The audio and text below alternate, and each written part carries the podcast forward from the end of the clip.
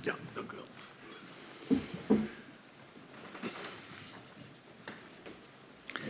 Van harte welkom meneer Verhagen hier uh, en ook uw steunverlener de heer Dame bij de parlementaire enquêtecommissie aardgaswinning Groningen. De aardgaswinning heeft Nederland veel gebracht, maar kent zeker voor gedupeerde schaduwkanten. De commissie onderzoekt hoe deze schaduwkanten hebben geleid tot het besluit om de aardgaswinning in Groningen te stoppen. Wij willen weten hoe de besluitvorming op cruciale momenten is verlopen. Hoe werkten de private en publieke partijen samen bij de winning? We onderzoeken ook de aardbevingen en de ontwikkeling van kennis daarover, de afhandeling van schade veroorzaakt door de bevingen en het proces van het versterken van gebouwen in de provincie Groningen. Um, we gaan uh, deze week, zoals u misschien al hebt meegekregen, vooral in op de periode rond Huizingen. En u was toen uh, minister van Economische Zaken. Um, u wordt gehoord als uh, getuige. En dit verhoor vindt plaats onder Ede. En u heeft gekozen om de eed af te leggen dat u de gehele waarheid en niets dan de waarheid zult zeggen. En ik verzoek u daarom om te gaan staan. De twee vingers van uw rechterhand omhoog te houden en mij na te zeggen, zo waarlijk helpen mij God almachtig. Zo waarlijk helpen mij God almachtig. Dan staat u nu onder Ede en mag u weer plaatsnemen. Het verhoor met u zal worden afgenomen door mijn collega's mevrouw Van der Graaf en mevrouw Katman. En mogelijk dat de heer Quint ook nog enkele vragen zal stellen. Dat is u helder, die opzet? Ja, uitstekend. Dan gaan we beginnen.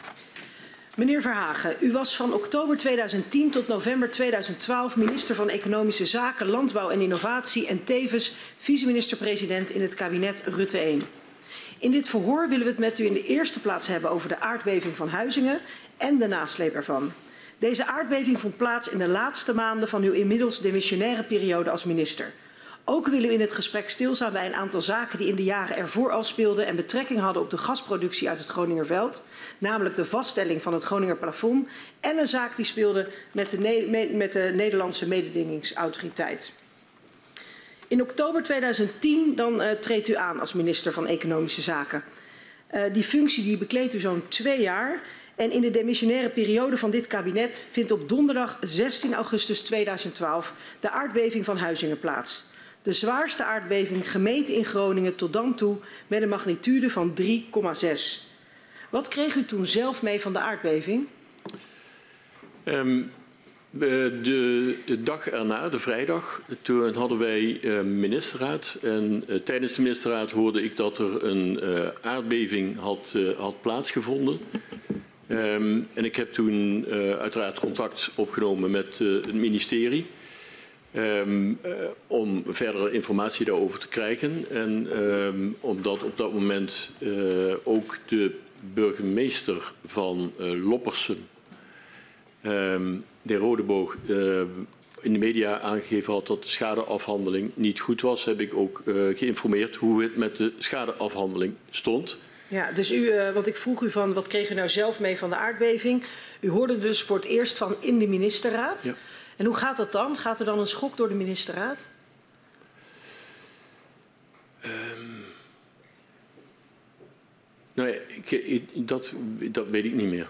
Nee, dat weet ik echt niet meer. Ik, ik, ik, ik schrok uiteraard. Bedoel, het, ging, het ging over mijn eigen beleidsterrein. Uh, uh, van, uh, daar is een, een, een, een aardbeving. Um, er werd toen, ik weet niet of er toen al gezegd werd 3,6, maar uh, of dat op, op, dat moment precies bekend was, maar het was een, een, forse aardbeving dat werd uh, gemeld. Um, en dat er met name natuurlijk ook op dat punt uh, rumoer ontstond over, over de schadeafhandeling. en vandaar dat ik zelf uiteraard meteen contact opnam met het ministerie hoe, hoe precies de zaak in, in de sale zat. Althans, ja. hoe men dat wist. Want u zei moment. het al, van de burgemeester van Loppersum, de heer Rodeboog, die pleit de ochtend erna voor een verbetering van het schadeproces, meteen. En die middag na de ministerraad stelt u dat er op de schaderegeling niets is aan te merken. Waarop baseerde u toen die, afspraak, um, die uitspraak? Die uitspraak baseerde ik op, op, op de informatie die ik op dat moment gekregen had van het ministerie. Um, uh, die verwezen naar uh, het feit dat de schadeafhandeling uh, in de wet was vastgelegd. Dus het, zeg maar, de, manier waarop dat hoort te gebeuren uh, is, is, is in, de, in de wet vastgelegd. En ehm, dat naar de mening van, van de informatie die ik kreeg op dat moment, dat die schadeafhandeling dat die, adequaat was. Ja. Wat ik vraag het, omdat u gebruikt nu het woord adequaat, maar ik kom vooral woorden tegen van niets op aan te merken of, of is, is, ja, dat, is prima dat, in orde. En dan is het altijd vaak meer dan wat er in de wet is vastgelegd. Dan vaak denk ik, ja, dan, dan, dan heeft u misschien iets tot u genomen van hé, hey, ik heb gezien, of mensen hebben in de praktijk gezien, dat alles gewoon conform afspraken loopt. Maar u zegt eigenlijk, die afspraak is misschien een beetje te ferm. Uh, het was in ieder geval gewoon conform afspraken geregeld. Zoals ja, we in de wet hadden ja, afgesproken. Ja, dat, dat was, eh, die, die uitspraak was zeker te ferm, uh, bleek achteraf. Um, Want had en, u al eerder kritische signalen gekregen? Nee, nee die hebben wij niet gehad. Um, kritische signalen die hebben wij van tevoren niet gehad. Um, dus op dat punt vermoed ik ook dat het ministerie van mening was dat, uh, dat die schadeafhandeling adequaat was. Ja. Um, en de, uh, ik heb toen wel uh, bij, bij terugkomst op het ministerie uiteraard uh, de, de vragen gesteld. Jongens, hoe zit het nu met die, met die schadeafhandeling precies? Want die, kritiek die blijft van de burgemeester komen dat, er, dat, er, dat, er, dat het niet klopt. Toen is er vanuit het ministerie op mijn verzoek contact ook geweest met, met de NAM. Dat, dat die schadeafhandeling ruimhartig moest zijn, snel moest gebeuren. En uit, op, op basis van die contacten vanuit het ministerie met, met de NAM heeft de NAM toen ook toegezegd dat ze die schadeafhandeling snel zouden verrichten. Twee, dat, en dat was natuurlijk wel een belangrijke, dat de Um, dat zij de suggesties van de gemeente en van de provincie Groningen, dus de gemeente Loppersum en de provincie Groningen, dat ze die uh, serieus uh, zouden, zouden ja. meenemen ja, want, in die afhandeling. Ja, want u heeft dus contact met de NAM, maar dan via het ministerie. Uh, en uh, heeft u ook zelf met uh, burgemeester Rodeboog gesproken? Want u zegt al, de NAM reageert van we gaan het conform de wens van de gemeentes afhandelen. Uh, de heer Rodeboog heeft er al meerdere keren aan de bel getrokken. Ook bij u letterlijk aan de bel van de telefoon. Maar hij verklaarde in zijn verhoor wat wij met hem hadden... dat hij met geen mogelijkheid u aan de telefoon kreeg.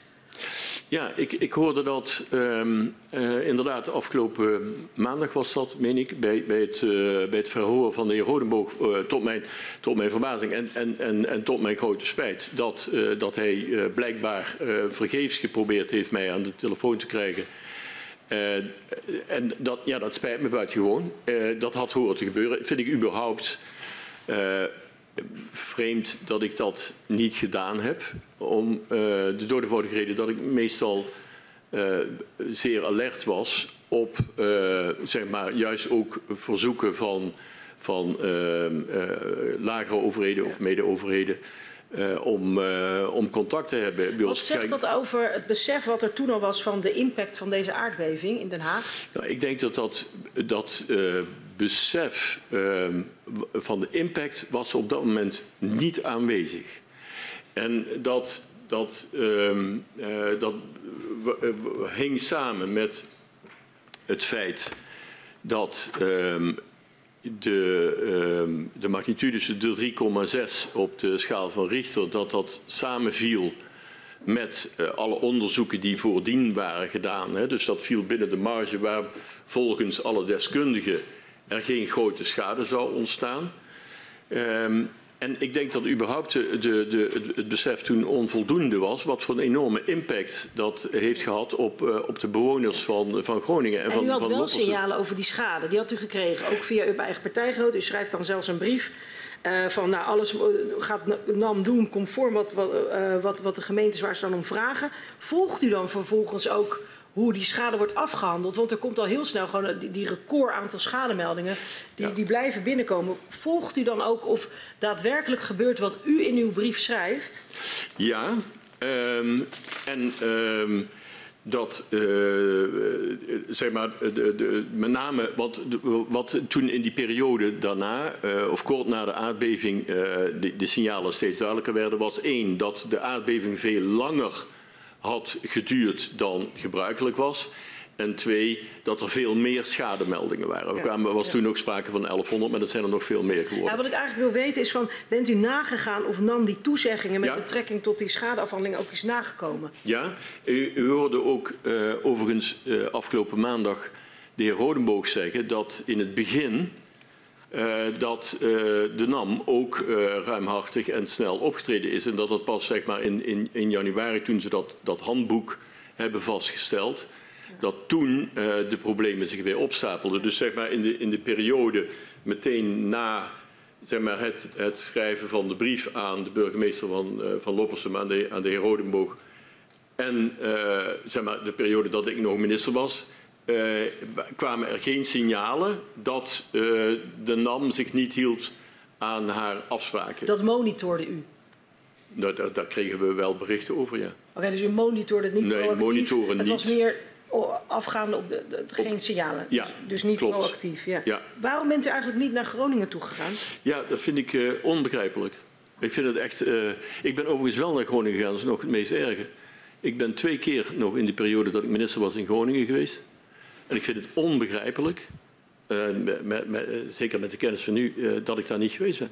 Ik vind het echt onbegrijpelijk. Ik ben, er, ik ben geweest bij ehm, Aldel, dat was de aluminiumfabriek in Delfzijl, omdat die op, op, op faillissement gaan stond. Daar ben ik gewoon eind augustus naartoe gegaan. En ik ben ook, ook nog in augustus nog een keer in Groningen geweest om met de commissaris onder andere heb ik. Dus ik, ik begrijp totaal niet waarom ik toen niet naar, eh, naar Huizingen en naar Loppersum ben gegaan. Echt, Ook- ik vind het, ook- vind het ook niet- gewoon ik vind het echt slecht. Ik bedoel, dat neem ik Ja. mezelf ook kwalijk. En ook dat u niet bent gegaan, ook dat. Wat zegt dat over hoe dus het leeft in Den Haag? En hoe Ja. de impact van Groningen dus eigenlijk niet leeft in Den Haag? Nou, ik denk dat dat dus inderdaad eh, vol, ja, volstrekt onvoldoende leefde. Het feit dat er ook geen eh, debat in de, in de Kamer heeft plaatsgevonden. er is slechts één partij, de Partij van de Arbeid, die eh, slechts schriftelijke vragen heeft gesteld. En dat ging eh, over de schadeafhandeling. Ehm, en de antwoorden die ik toegaf in lijn eigenlijk met de brief die ik aan de eh, burgemeester, de heer Rodenboog, heb gestuurd. ehm, eh, waren de, eigenlijk dezelfde soort antwoorden die ik aan, aan de PvdA-kamerleden geantwoord heb. En die waren ook blijkbaar afdoende. Dus het was, het was niet, niet alleen bij het ministerie, ik denk gewoon in heel Den Haag dat men onvoldoende eh, beseft heeft wat voor een eh, enorme eh, impact dat heeft eh, gehad, die aardbeving op, op de inwoners in Groningen. Uw partijgenoot, burgemeester Rodenboog, da- toen, die probeert te bellen dus die, die, en die geeft signalen af. Ook spreekt u met de commissaris ehm, eh, van, de, van de Koningin. Hoe gaat zo'n gesprek dan? Want dat, dat zijn wel personen, denk ik, die flink aan de bel trekken. Nee, nee, nee. Maar moet ik zeggen dat, dat nee. Er is toen niet echt van. Is dus eigenlijk niet. Ik, volgens, ja, ik kan niet anders dan concluderen dat men onvoldoende op het netvlies had staan wat, wat voor iets vreselijks er gebeurd is. En dat had ook te maken, denk ik, met het feit dat eh, ook, ook de vragen van, van, eh, de, eh, de- van de, de burgemeester en van de leden van de Tweede Kamerfractie van de Partij van de Arbeid, die gingen over die schadeafhandeling. En niet zozeer over van, jongens, hoe, er- is iets aan de hand met veiligheid. Dus de commissaris van de Koning die bracht ook niet bij u in het gesprek Nee. op de ernst van de situatie, de niet dat ik me, niet dat ik me herinner. Nee. Maar dus Ja, nogmaals, het, was, het ging eigenlijk de- eh, zeker tot aan eh, het, het nadere onderzoek van het staatstoezicht op de, op de mijnen. Dus wat uitkwam nadat ik eh, weg was als minister, wat dus in, in, in januari gepubliceerd is. Ging het over schadeafhandeling, de iedere discussie, en absoluut niet over onveiligheid. Omdat eigenlijk al die onderzoeken die voordien ook in, in 2011 nog door TNO en KNMI gedaan waren, dat die eh, eh, gingen, eh, of die, daar werd gezegd van er zal geen grote schade ontstaan. Ja. Het blijft allemaal binnen 3,9. Ja, we komen zo nog even op de, op de onderzoeken. U had het zelf over de Tweede Kamer. In de Tweede Kamer werd naar Huizingen gepleit voor omkering van de bewijslast. Want daar ging het dus wel over, over schade. Ehm, want rond de gasopslag Bergenmeer werd dat al gehanteerd. Waarom zag u dit voor Groningen niet als mogelijkheid, die omkering van de bewijslast, als Ja. u die goede afhandeling van die schade zo belangrijk vond? Ja, nou, ik heb zelf geïntroduceerd de omkering van de bewijslast in Bergermeer. En dat was op grond van, eh, van de angst die in eh Bergermeer eh, leefde dat de schade niet goed vergoed werd. Dus ik heb toen gezegd, er komt eerst een fonds waarin de participanten, dus in dit geval Gazprom en, en anderen van Bergermeer, geld moeten storten. Als er schade ontstaat, dan moet meteen die schade vergoed worden. En als bewezen kan worden achteraf dat het niet veroorzaakt is door een aardbeving, dan eh, kun je het terugvorderen. En dat is natuurlijk een heel mooi systeem, een veel beter systeem. Maar bij eh Bergermeer konden we een nulmeting doen van je maakt, er was nog geen gas opgeslagen. Dus wat je doet is, eh, je maakt een foto van ieder huis. En alles wat daarna ontstaat, is dus ten gevolge van een, mogen- een potentiële aardbeving. En bij, als ik dat, dus ik heb dat nagevraagd, van kunnen we hier niet een soortgelijk systeem hanteren? Maar de nulmeting was niet meer mogelijk, omdat je als je was dus gaan fotograferen, was dat na Huizingen. Dus dan had je al die schades die al ontstaan waren door Huizingen, ja, die stonden er. Dus dan ga je hooguit een, eh, kijken wat ontstaat daarna weer. Ehm, en de- het tweede element wat, wat daarbij een rol speelde, was dat over de omkering van de bewijslast bij de totstandkoming van de eh, Mijnwet 2003 in de Kamer gesproken is over omkering van de bewijslast en de Tweede Kamer toen ingestemd heeft met het niet hebben van die omkering van de bewijslast, omdat de Tweede Kamer overtuigd was dat door de technische commissie Bodembeweging er een onafhankelijke partij was die kon oordelen of de schade Ja. eh, terecht of niet Nee, we hebben hier uitgebreid inderdaad over gesproken in eerdere eh, verhoren. En de meningen zijn gewoon verdeeld. Want internationaal kan het weer wel, op andere Ja, plekken kan het ook ook. Maar u Maar ik zag, heb er dus echt u naar zag in ieder geval te, te veel beren op de weg op dat moment om dat besluit te kunnen nemen. Want er waren wel stemmen die zeiden het kan wel of het... Ja, maar het, Ja. op zich is het systeem, nogmaals, want anders had ik het ook niet geïntroduceerd in, eh, in Bergermeer, wa- was natuurlijk veel beter. Ja. En veel makkelijker en veel meer tegemoetkomend aan, eh, aan, aan, aan de zorgen en de ellende van, van de mensen die het overkomt. Ja, en u zei al van het- over schade ging het wel. Daar heeft u zich ook goed over laten informeren, een brief over geschreven. Ehm, en u had het net zelf al even over die onderzoeken. Eh, heeft u zich, net als dat u heeft gedaan op de schade, ook laten informeren over de risico's? Heeft u de verhoren van deze week gehoord waaruit bleek dat er eigenlijk gewoon al 15% kans was op een beving zwaarder dan, eh, dan 3,9? Eh, dat er ook gewoon een grote onzekerheidsmarge dus zat op die maximale magnitude. Zijn dat dingen die een minister dan bijvoorbeeld bij zijn inwerkprogramma tot zich krijgt? Of als er zo'n beving is van, oh, we moeten naar de schade kijken, maar hoe zit het met de risicoanalyses? Nee, ehm, ik heb met de risicoanalyse, is juist omdat er ook onderzoeken in 2011 zijn gedaan. eh, en, en toen werd ook gewezen op het feit dat er maximaal eh 3,9 was, conform, en dat het onderzoek was geweest conform internationale eh, wetenschappelijke criteria. Twee, dat er geen grote schade zou ontstaan. Dat stond erin. En ehm, dat, die conclusie neem je tot je. Ik was zelf in de tijd dat ik minister was buitengewoon alert op signalen van onveiligheid. En er heeft mij dus met betrekking tot Groningen nooit een signaal bereikt van dit kan onveilig zijn. Want als ik die signalen had, ik bedoel bij- bijvoorbeeld de CO2-opslag in Groningen, eh, die heb ik afgeblazen, die heb ik, heb ik gestopt of niet laten plaatsvinden vanwege gevoelens van onveiligheid van, eh, de, eh, van de Groningers. Die, die, dat, dat, dat, daar had ik mee gesproken met Contramine en met anderen, met gedeputeerden.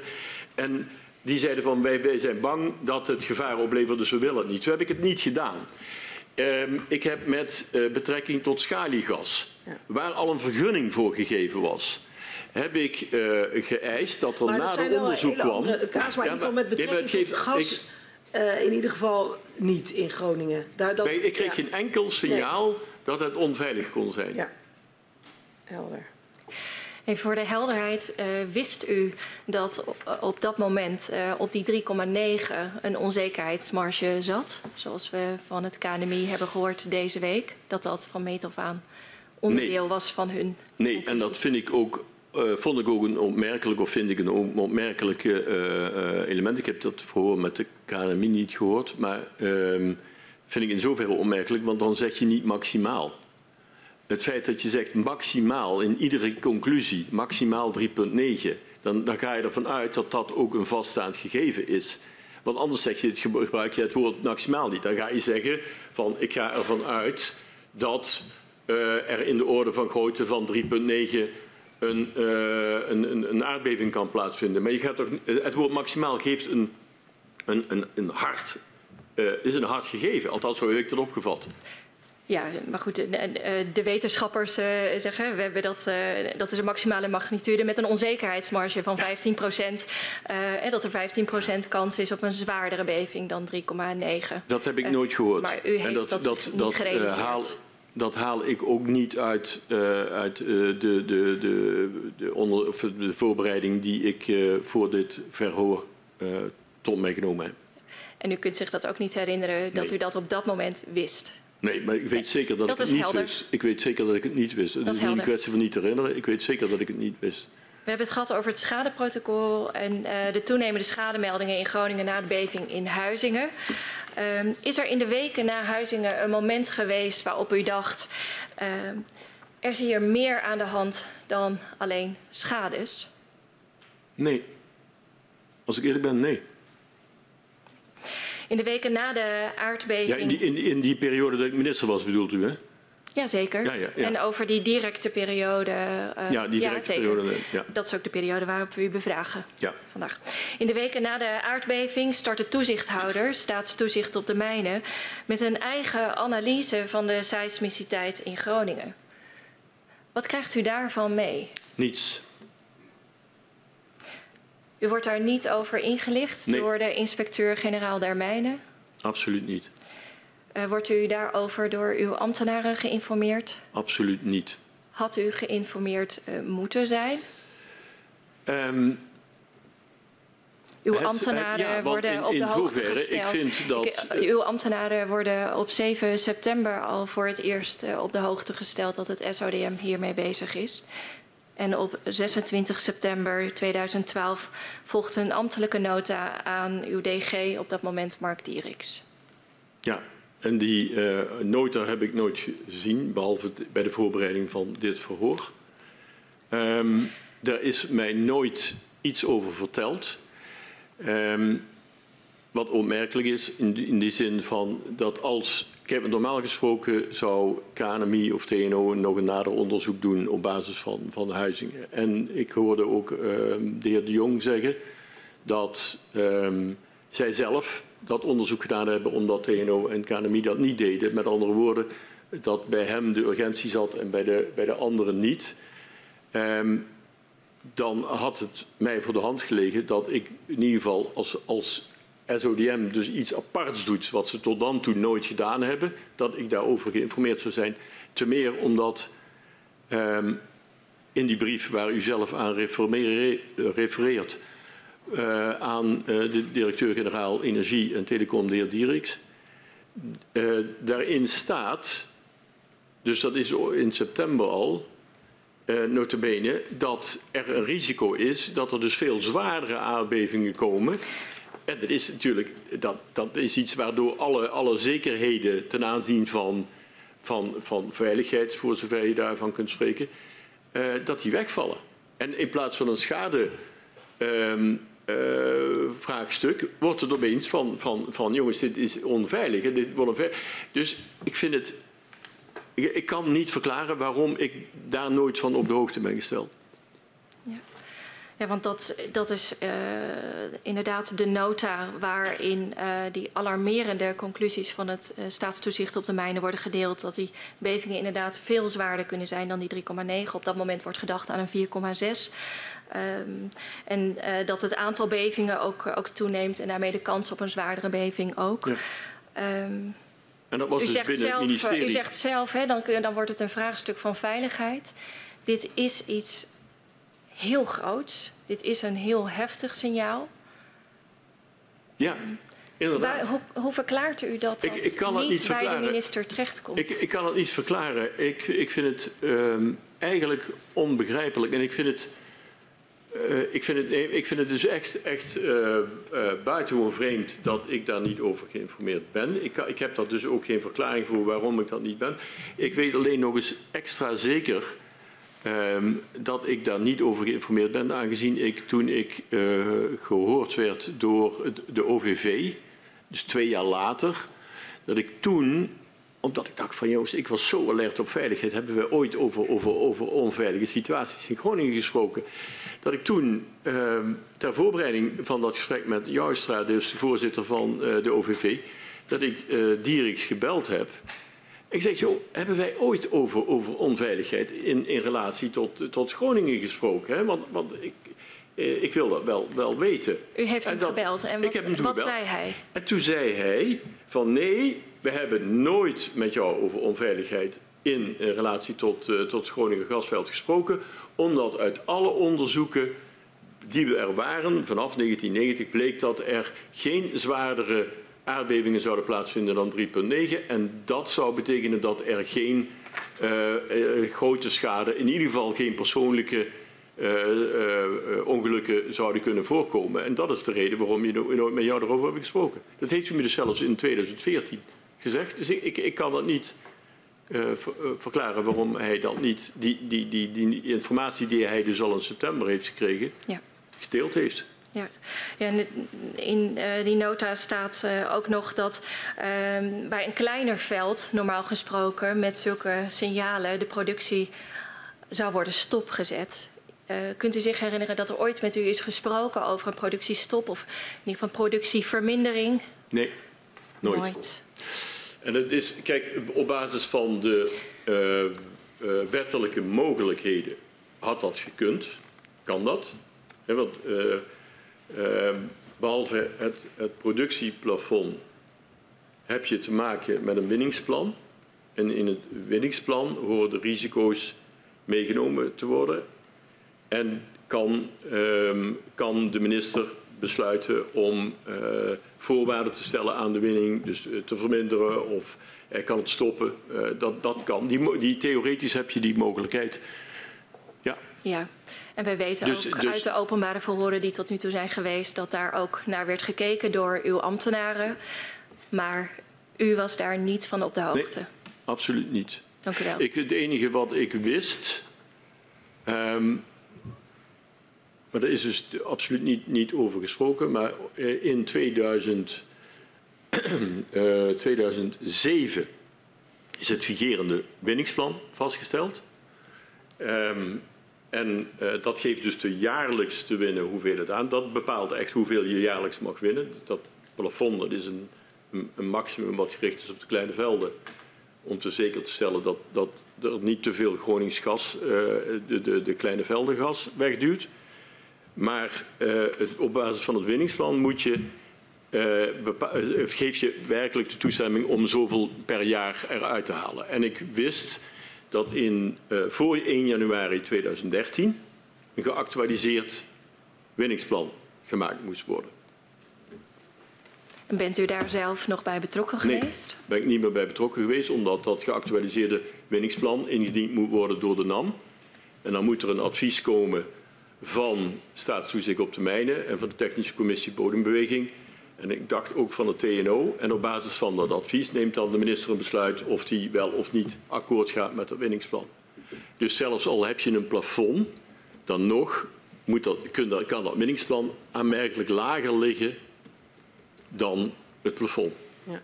U heeft het over het plafond en dat is een heel mooi bruggetje, want ik wil daar met u uh, naartoe. Uh, uh, want nahuizingen wordt in 2013 de hoogste jaarproductie uit Groningen behaald sinds lange tijd. En uh, we zijn erg benieuwd in hoeverre u als minister betrokken bent bij de verkopen van uh, Gasterra, die ook weer te maken hebben natuurlijk met het plafond. Hoe actief bemoeide u zich met de gasverkopen van Gasterra? Niet. Uh, wat je, wat, de, de, behalve zeg maar, in de beginperiode het vaststellen van het plafond.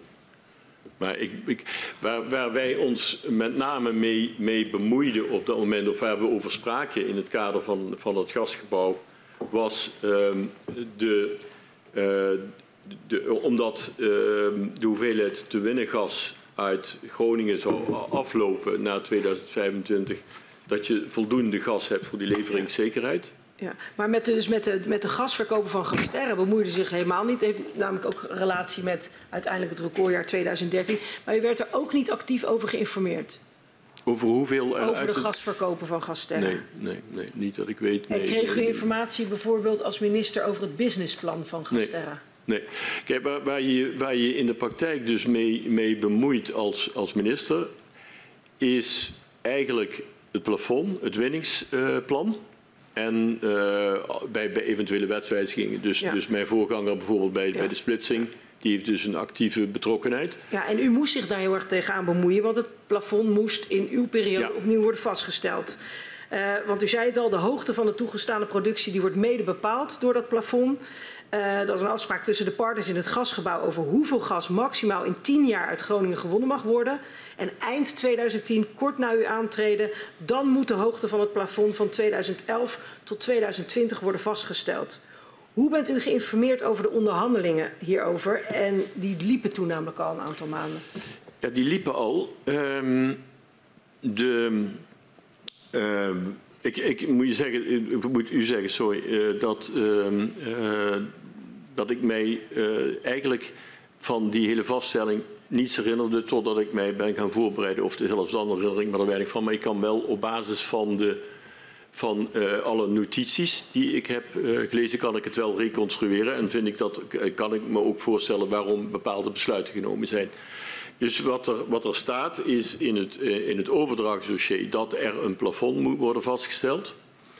Uh, dat daar, uh, en, en, en ik krijg op een gegeven moment te horen dat er op basis van de gesprekken die er hebben plaatsgevonden tussen het ministerie en Gasterra Nee, de NAM denk ik dan. Nee, nee Gasterra is altijd. Gasterra en um, de, de, NMA, de Nederlandse Mededingingsautoriteit. Uh, dat er uh, afspraken gemaakt worden.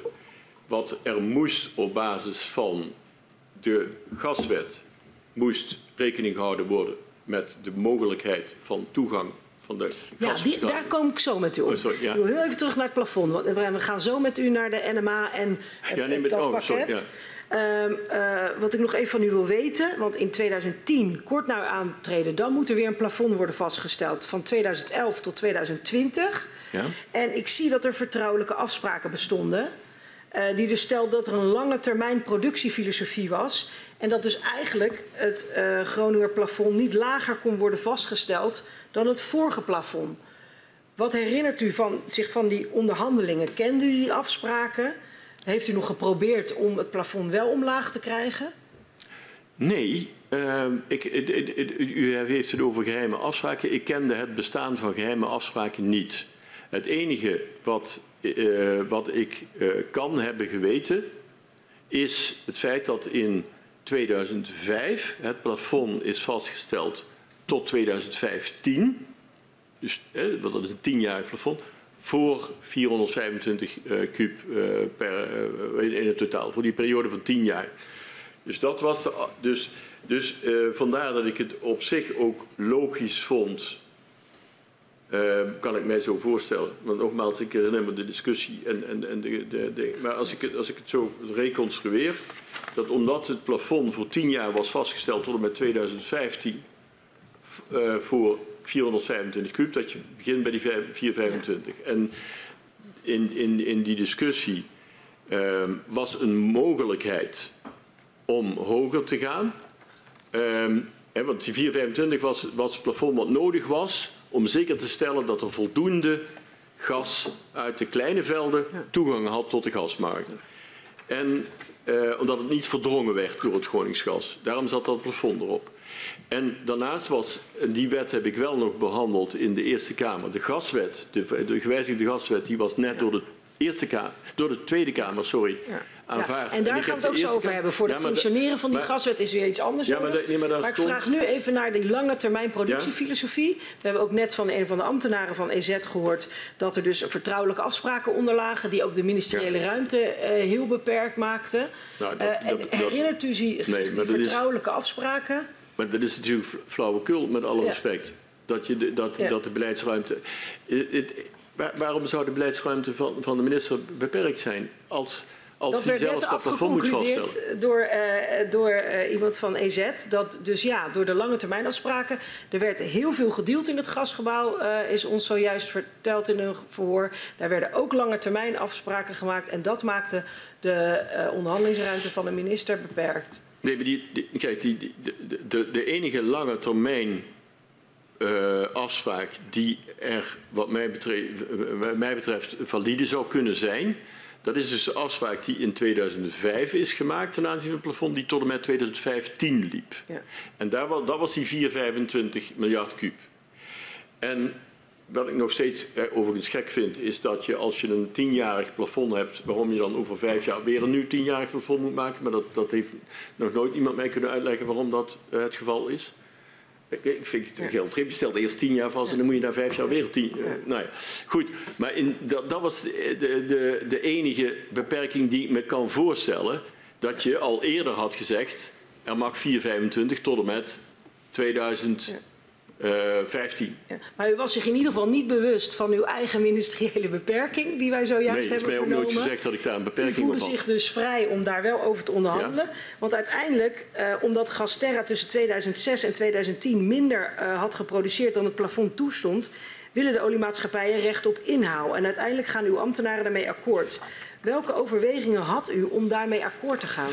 In de, eh, in de notitie die al aan mijn voorganger is geschreven, ziet u al staan dat ehm, eh, er een hoger plafond kon worden afgesproken als ehm, er meer toegang van derden, van andere partijen, eh, tot de gasopslag en de gasberging zou plaatsvinden. Dat was ook nodig voor de betere werking van de gasmarkt, conform die gaswet die net was vastgesteld. En ehm, eh, dat, dat vermengde zich met de discussie van NMA, die ook, eh, ook nog eh, betere werking van de gasmarkt wilde hebben, meer volume eigenlijk op de markt wilde hebben. Ehm, eh, ook ook wat dat betreft de, de virtuele gasmarkt wilde, wilde verruimen, de, de Title Transfer Facility, dus de virtuele gasmarkt. Dat die, de NMA wilde dus meer.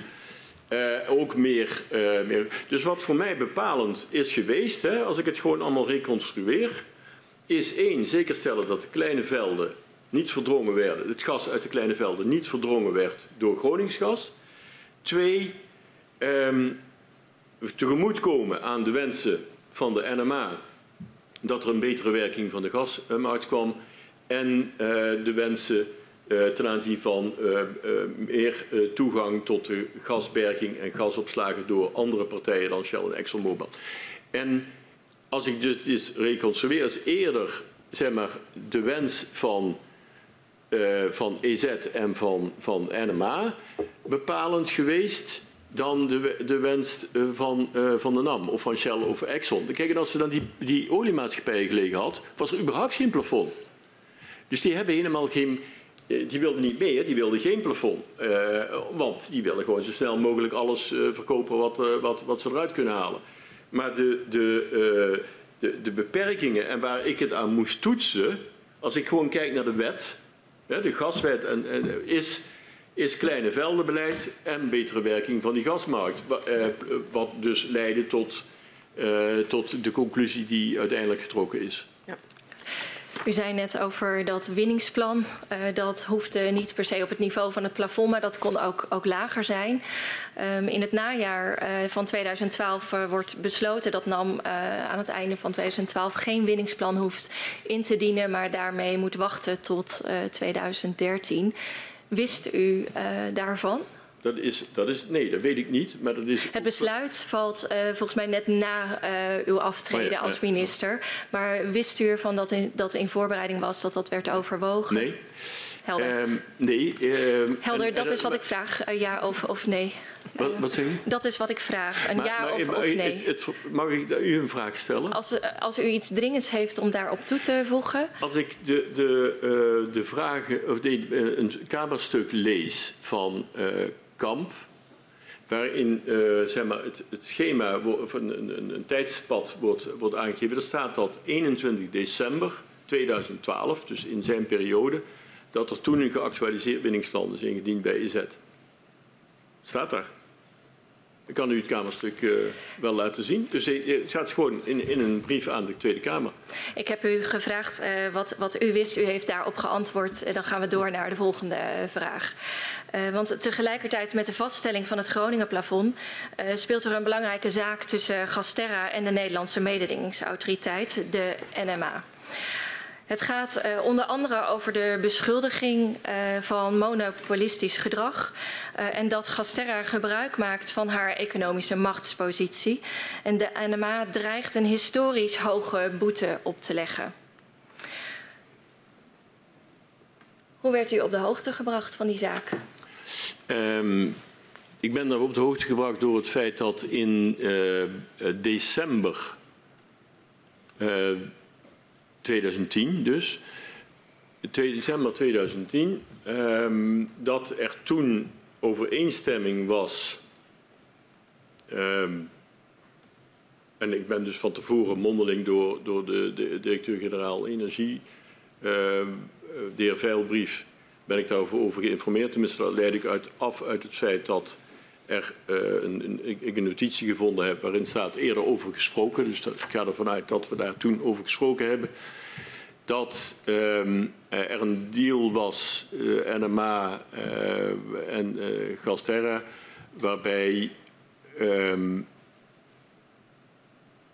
de eisen van de eh, NMA met betrekking tot ehm, eh, tot betere toegang eh, van derden tot de gasopslagen, eh, betere werking van de gasopmarkt, eh tegemoet gekomen werd op die en die en die wijze.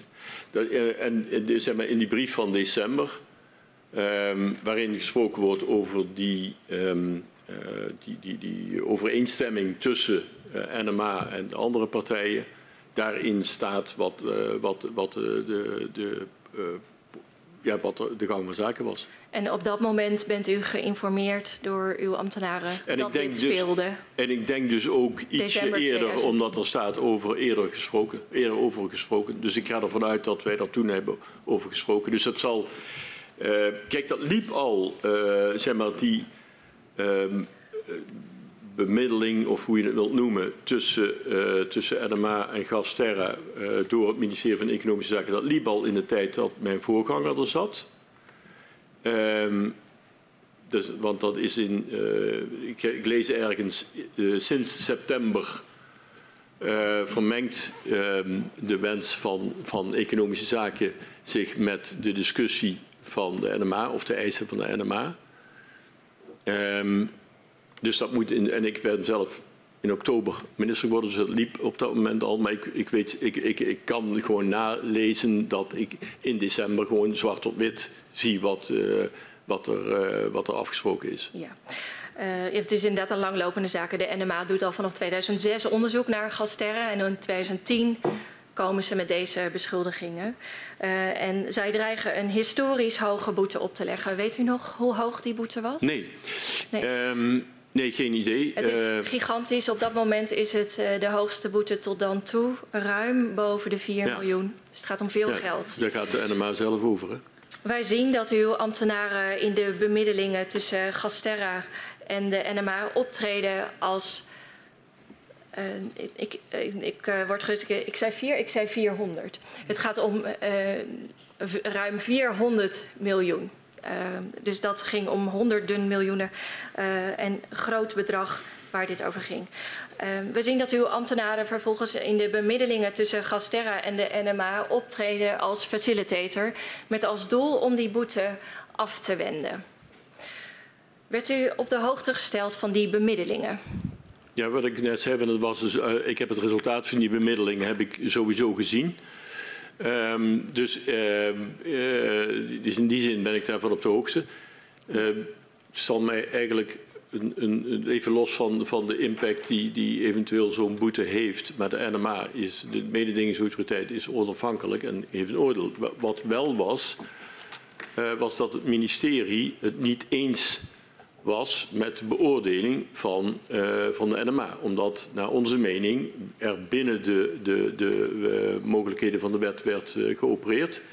En wij vonden zelf wel overigens dat de gasmarkt moest verbeteren. Maar dat, dat hing dus samen met de net aanvaarde, door de Tweede Kamer aanvaarde nieuwe gaswet. Ja. Ja, u, u, zei het al, de, de uh, NMA, de Nederlandse mededingingsautoriteit, is onafhankelijk. er zit wel een relatie met uw ministerie, deze marktmeester. Gasterra, daar is het ministerie ook aandeelhouder mm. van. Ja. Ja, lag er überhaupt wel een rol voor het ministerie van Economische Zaken om in dit soort onderhandelingen te gaan bemiddelen? Um, nou, als je, als je kunt uh, bewerkstelligen dat um, er een verbetering van de gasmarkt ontstaat, hè, dan moet je wel weten. Dan moet je, moet je de stappen zetten, maar je moet ook weten waar zit de pijn bij NMA. Dus zonder te willen treden in uh, in een oordeel van de NMA op dat moment kun je wel informeren wat, wat is dan wel nodig, zodat jullie vinden dat er fatsoenlijk geopereerd wordt. En kijk je of in de afspraken die je met Gasterra kunt maken, waar je zelf nog bene aandeelhouder van bent, of dat uh, conform de wensen is. We waren het nogmaals. We waren... Maar zaten daar geen dilemma's uh, in? U bent de verantwoordelijk minister voor die onafhankelijke mededingingsautoriteit. Ja, dan... En u bent aandeelhouder, dus belangen heeft u in Gasterra. En, hè, en ja, er, dreigt, er hangt een hele hoge boete. Ja, maar die, Ruim ja, die boete nogmaals. 400 miljoen euro ja, hangt daar boven de markt. Die boete is niet bepalend, maar je gaat wel kijken Kijk, wat, wat, ja, maar waar, waar, ik, ik, ik, vraag u, ziet u daar geen dilemma's? Nee, waar ik het, Zit daar ik geen uh, spanning op de belangen die daarmee gepaard gaan? Nee, want die, die, die kun je toch, je kunt toch scheiden. De, de, wat, kijk, wat, wat, uh, wat, wat, wat, wat vervelend is, is dat je aan de ene kant als, uh, als overheid of als, als, minister verantwoordelijk bent voor een onafhankelijke toets door de NMA. En dat moet zeker stellen. En van de andere kant, je als aandeelhouder eh, de, het daar niet mee eens kunt zijn. Dus dan kun je een juridische procedure volgen. Dus dat is ook gebeurd, uiteindelijk. Er is bezwaar gemaakt. En daar heb ik mij dus uh, achter geschaard. Omdat Gasterra kon geen bezwaar maken, natuurlijk, als ik daar als aandeelhouder nee tegen gezegd had. Bezwaar tegen gemaakt tegen het besluit van, uh, van de mededingingsautoriteit. En de, daar is overigens Gasterra in het gelijk gesteld. In juni 2011 ja, is het besluit van de NMA om een boete te geven herroepen. Ik ga even dus het dilemma wat je hebt is enerzijds wil je daartegen je kunnen verberen en anderzijds ben je afhankelijk voor een, voor een uh, of ben je verantwoordelijk voor een onafhankelijk besluit van een NMA. Ik neem u even mee in de tijd. U gaf net aan uh, december 2010. En dan lijkt het er inderdaad op dat de NMA en Gasterra een deal gaan bereiken. U schetste dat net zelf ook. Over een pakket maatregelen dat Gasterra dan moet nemen. En dat er dan geen boete komt. Maar uh, wij zien in januari 2011 dat de NMA er toch op aanstuurt om een boete op te leggen. Dus begin januari 2011. Ja. Uh, in hoeverre wordt het ministerie uh, van dit soort zaken op de hoogte gehouden? Hoe, hoe bedoel, weet het hoe ministerie dat het NMA die boete alsnog dreigt uh, op te leggen? En um, wordt u daar zelf van op de hoogte gehouden? Um, wat ik zie in de stukken is dat, um, is dat 13 januari dat het besluit dan uiteindelijk genomen is? Ik vraag u uh, ook naar, uh, naar uw herinnering. Ja, nee, maar ik zit even, even terug te. Uh, ja, nou, ik, ik word op een gegeven moment op de hoogte gesteld, begin januari, dat er een boete dreigt. Die is ook opgelegd. 5 januari.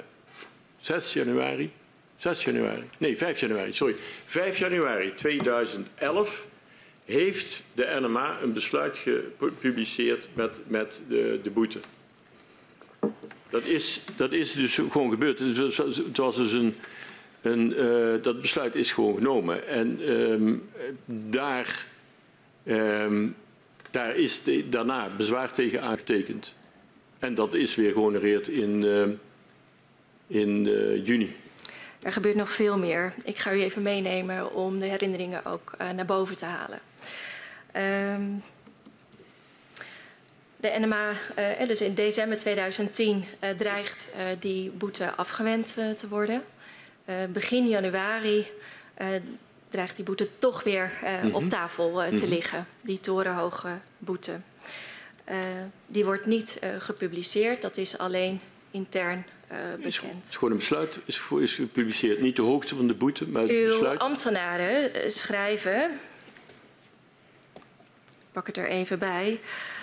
Op 4 januari 2011 dat ze de opstelling van de NMA als een aanval op de minister zien en vragen zich af wie hier eigenlijk de macht heeft in de energiewereld.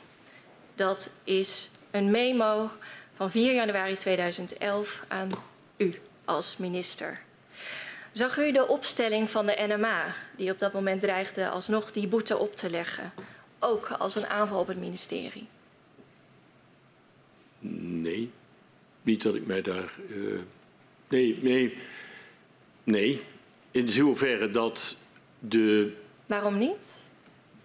Ja, nou, kijk, de NMA, nogmaals, die is uh, onafhankelijk. En je kunt het er niet mee eens zijn wat zij doen. Dat, dat, dat, dat mogen, uh, mogen duidelijk zijn. Maar kijk, wat, als, je, als je zegt dat de NMA het optreden van Gasterra veroordeelt, waar ze later overigens op teruggekomen zijn, dan, en, en de staat of de overheid is mede-aandeelhouder van, uh, van Gasterra, dan veroordeelt de NMA op dat moment ook het optreden van, uh, van de overheid. Ja, dus in die zin um, uh, kan ik me wel voorstellen dat je zegt van hey, wij vinden het ten onrechte dat hier de staat voor, uh, veroordeeld wordt voor haar medeverantwoordelijkheid voor het optreden.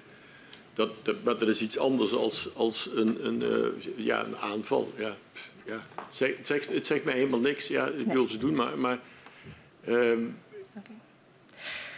Ja, daar ga ik ook niet over. Ik ga er wel over om te vragen: vind ik het terecht of maak ik bezwaar of niet?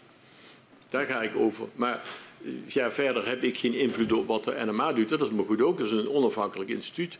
Ja.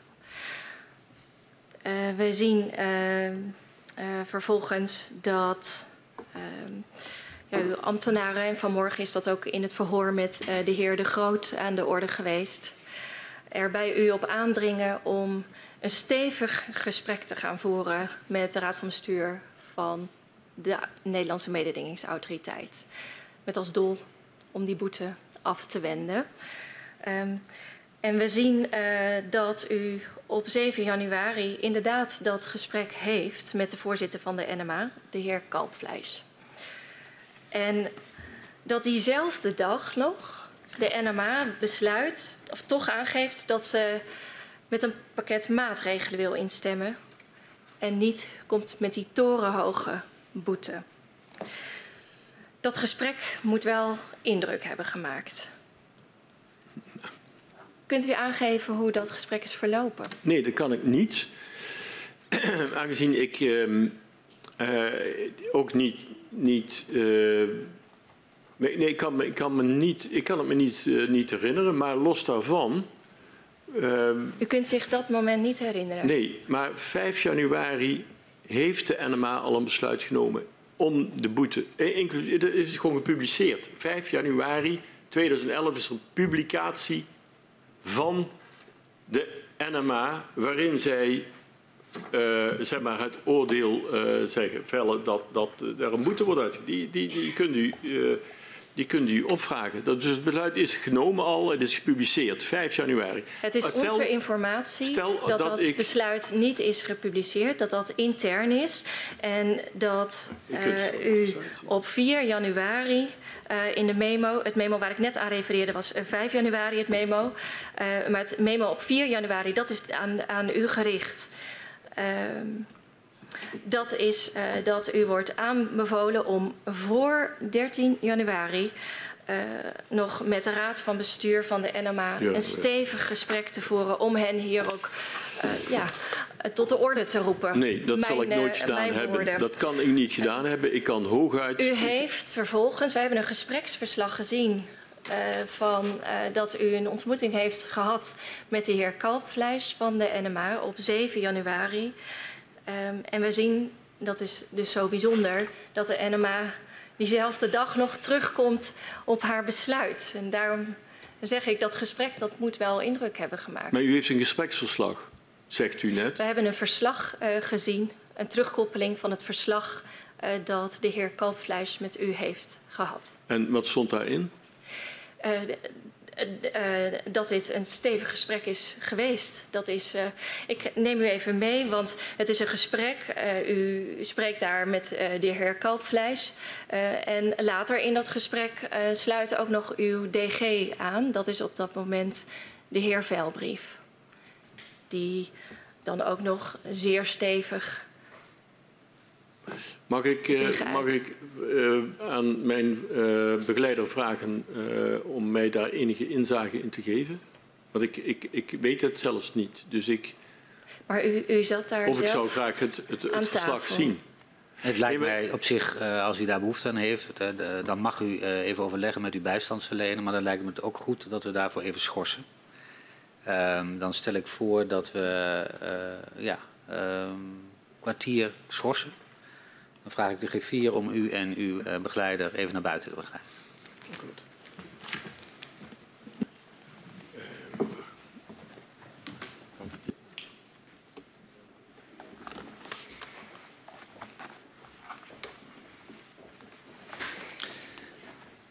Ik ga de vergadering schorsen tot tien over eh, drie.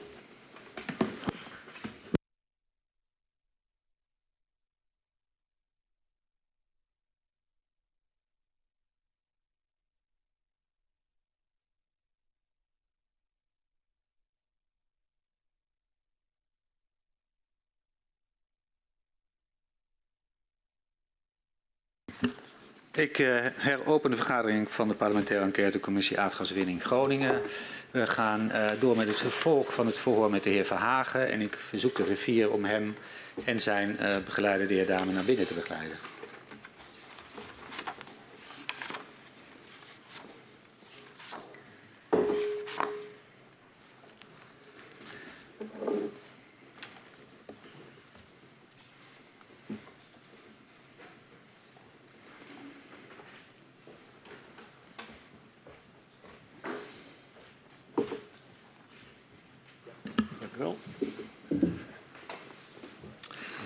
Gaan weer even verder.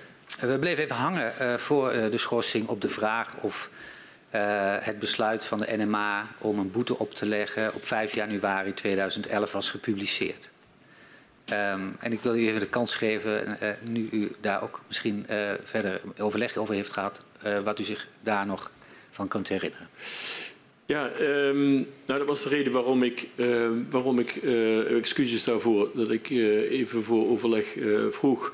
Omdat eh, mevrouw van der Graaf zei dat er dus een verslag was eh, van een gesprek eh, wat ik met, eh met of de voorzitter van de, van de mededingingsautoriteit, gevoerd had.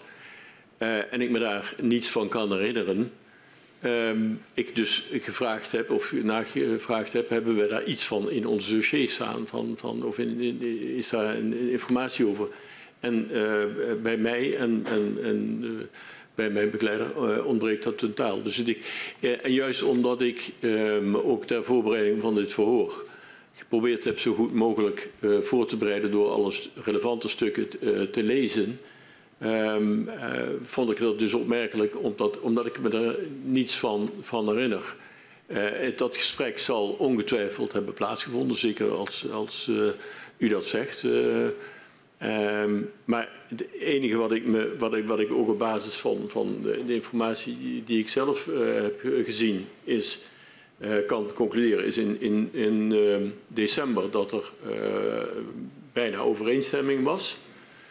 Um, en dat dat begin van januari van tafel ging en dat er uiteindelijk ehm, halverwege januari weer overeenstemming was over, over dat plafond. Dat tegemoet kwam enerzijds aan de wensen van economische zaken en anderzijds ook aan de, de wensen van de Nederlandse mededingingsautoriteit. Dat, dat is wat ik kan concluderen. Maar ik kan me dus, als, als u zegt dat, dat ik uh, daar een stevig gesprek gevoerd heb, uh, dan, dan ja, moet ik dat van u aannemen. Ja, ik, ik, ik, probeer daar zo meteen ook wat herinnering aan mee te geven wat, daar, wat wij in het gespreksverslag hebben gelezen. Uh, misschien is het ook goed om nog aan te geven het besluit wat uh, u aangaf dat op 5 januari genomen zou zijn. Het uh, is juist dat de mededingingsautoriteit op die datum een besluit neemt om een boete op te leggen. dat is ook een officieel besluit dat aan Gasterra bekend is gemaakt. Ja. maar vervolgens geeft Gasterra aan dat ze verder willen onderhandelen. En op verzoek van Gasterra wordt dat besluit dan niet gepubliceerd. Um, en vindt vervolgens, uh, gaan die onderhandelingen of die bemiddeling gaat, uh, gaat verder. Um, en wordt het gesprek van 7 januari, waar ik naar verwees dat u zou hebben gehad met de heer Kalpfleisch, gevoerd. Um, en na dat gesprek komt de NMA dus terug op het besluit om die boete op te leggen en besluit ze akkoord te gaan uh, met het maat of ja, akkoord te gaan met dat er een maatregelenpakket moet komen. Iets waar u ook toe had opgeroepen. en dat alles wordt uiteindelijk gepubliceerd in juli van dat jaar. Dat is hoe de grote tijdlijn in elkaar steekt. maar om u dan toch even mee te nemen uh, naar dat gesprek en wat wij daarover hebben gelezen. Um, wij uh, baseren ons daarbij op een e-mail die de heer Kalpfleisch um, intern uh, heeft verstuurd aan een collega binnen de Nederlandse mededingingsautoriteit. Um, en daarin schrijft hij dat hij met u heeft gesproken. En dat dat een gesprek tussen u beiden is geweest. Um, en met als doel om, uh, ja, dat er daar in uw pleidooi ook is geweest het afwenden van de boete. Um, in het belang van nou ja, de gasrotonde en het belang van het investeringsklimaat. Um, later uh, in dat uh, gesprek schrijft dan de heer Velbrief aan, op dat moment directeur-generaal. En hij onderstreept uh, stevig uw pleidooi, leiden wij uit deze e-mail af. Um, en vervolgens uh, moet er ook uh, goed worden opgelet dat het besluit niet publiek zal worden gemaakt. Dat is de kern van wat wij hebben teruggelezen over dit gesprek. Um, ja, Helpt dat uw herinnering? Nee, om, om, om, één concludeer ik uit wat u nu voorleest. Niet dat, dat, dat ik uh, uh, op een toon die u eerder schetste, die mij gesuggereerd werd, uh, geïnterveneerd heb. Wat ik, wat, ik, wat ik daaruit concludeer is dat ik de consequenties geschetst heb. En dat kan ik me voorstellen als ehm, te meer omdat ehm, uh, en dat, dat, is ook bezwaar wat daartegen aan. Wij zijn in beroep gegaan tegen het besluit.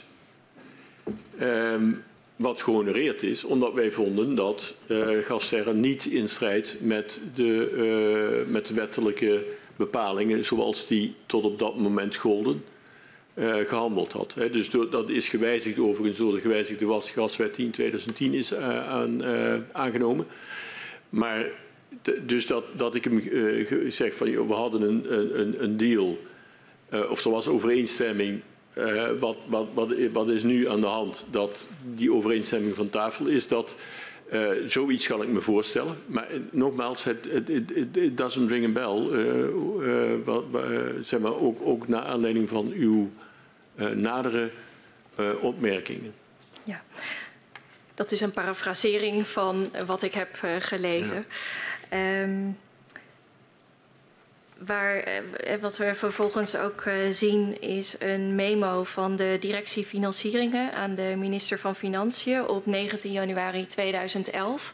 En in die memo wordt uh, gerefereerd aan mm, dat u uh, nou, vrij goed geslaagd zou zijn in uh, het pleidooi wat u uh, had, maar dat dat wel gevoelig uh, ligt en niet naar buiten toe mag komen vanwege de onafhankelijke positie van de toezichthouder. Maar, maar even, even los, van het feit of dat, of dat die memo gestuurd is um, aan, aan financiën. Um, de NMA gaat over een oordeel. En ik kan argumenten verzinnen uh, of aanvoeren uh, waarom ik het niet eens ben of niet eens zou zijn met een bepaald besluit. Maar de NMA is onafhankelijk en gaat zelf over haar eigen besluiten. Dus uh, het is aan de NMA om haar eigen positie op dat punt ook, ook zeg maar te bewaken. Ik ben zelf niet iemand die, die vindt dat de, uh, dat de NMA niet onafhankelijk is. Ik kan wel informeren van wat is daar aan de hand. Maar het, het, zou toch buitengewoon vreemd zijn uh, als, als uh, ik zeg, ja, u mag dat besluit nemen. Dus als ik voorzitter van de NMA was geweest, had ik gezegd, meneer, u kunt de boom in. Ja, sorry, maar, um, maar dit is iets anders dat je op basis van, van, van argumenten zegt van jullie vonden dat de, uh, de, de werking van de gasmarkt was, zou moeten verbeteren. Daar werken we aan. Daarvoor gaan we die en die uh, voorwaarden stellen in het, in het plafond. Dat, dat lijkt me voor de hand liggen. Maar, toch niet van, joh, jullie mogen dat besluit niet nemen. En, en wat ik nog steeds vreemd vind, of, of, of, apart vind, ik heb de, zeg maar bij de voorbereiding heb ik gewoon het besluit kunnen vinden van 5 uh, um, januari. Dus, en, en, ook volgens mij in de stukken staat niet dat het besluit niet bekendgemaakt wordt, maar de hoogte van de boete wordt niet bekendgemaakt. Maar het besluit als zodanig zou gewoon bekendgemaakt worden. Er zou zelfs een persbericht uitgaan, maar tegelijkertijd zou ook, en daar zou dus, uh, Gasterra moest ook uh, zeg maar, de stappen die ze zou zetten ter verbetering van de gasmarkt ook in een persbericht moeten, moeten aangeven. Dus ik kan me niet voorstellen dat dit geheim gehouden is. Integendeel. Dat dit, dit, en, en, hoe kan het dat ik nu, uh, uh, 2022, op een, een linkje klik en ik zie het besluit gewoon komen? Ik heb dat deze week nog gedaan. Ik klik en dan komt het besluit van 5 januari. Ja. Misschien is het goed om daarop aan te geven dat op verzoek van Gasterra is dat besluit hangende de bezwaarprocedure niet openbaar gemaakt. Dus ze hebben bezwaar gemaakt um, aangezien de openbaarmaking van het besluit op dat moment, uh, du moment 5 januari, uh, de belangen van Gasterra onevenredig zou schaden. Dat is de achtergrond geweest van de publicatie. Niet op dat moment, maar inderdaad later in juli 2011 is er alsnog een besluit uh, gepubliceerd gepubliceerd waaruit dit ook, uh, ook oh, blijkt. Okay. Dit voortraject. Oh, nou, dank u dat u dat voor mij opgehelderd heeft. En, uh, maar uh, dat wist ik dus niet. Nee. nee. dat mogen ook uit mijn reactie overigens blijken. Sorry. Dat is duidelijk. Excuus. Dank u wel. Ja, en dan wil ik met u uh, naar het pakket van maatregelen waar u al langer aan heeft gerefereerd. Dat Gasterra met de NMA overeenkomt om de gasmarkt te versterken. Dat omvat dus een aantal nieuwe producten die Gasterra op de markt gaat zetten. In hoeverre hebben de bestuurders of aandeelhouders van Gasterra de extra benodigde verkoopruimte als argument ingezet om het Groninger plafond hoger te krijgen, denkt u? Um, ik denk uh, dat uh, omdat er meer op de, uh, de virtuele gasmarkt moest worden aangeboden en omdat er ook um, middelen ter beschikking werden gesteld om de gasbergingen om die ook, ook uit te breiden en daar toegang te geven tot, van anderen, voor anderen. Ehm, dat het toen redelijk geacht werd om de ruimte die niet gebruikt was in de periode 2005-2010, dus dat akkoord van, van 42,5 uh, miljard kuub, omdat, uh, wat zeg ik nu, de twee, nee 25 miljard, sorry, 25 miljard kuub, om, dat, om die toe te staan, mits dat nogmaals onder het totale plafond van die 4,25 bleef hè, in die 10 jaar. Dus je mocht, je mocht wel inhalen, ja. dat werd redelijk geacht, mits het, het, het totaal ja. over de 10 jaar niet boven dat oude niveau uitkwam. Ja. Maar we begrepen net wel bij het verhoor van de, van de heer De Groot dat er wel sprake was van een deal. Er, is, er, is, er zijn afspraken gemaakt. Ja, de, in, in, die zin, ja, kun je dat, ja, ja. deal noemen ze dat. Ja. Ja, En dan, want dat recht op inhaal, dat is eigenlijk waar ik naartoe wil. Van de deal, dus het recht op inhaal. Was dat dan een consequentie van die deal met het NMA? Dat was de consequentie van uh, het totaal aan uh, noodzaak om, de, om uh, volgens de NMA meer volume op de markt te brengen. Plus ehm, betere toegang van derden tot uh, de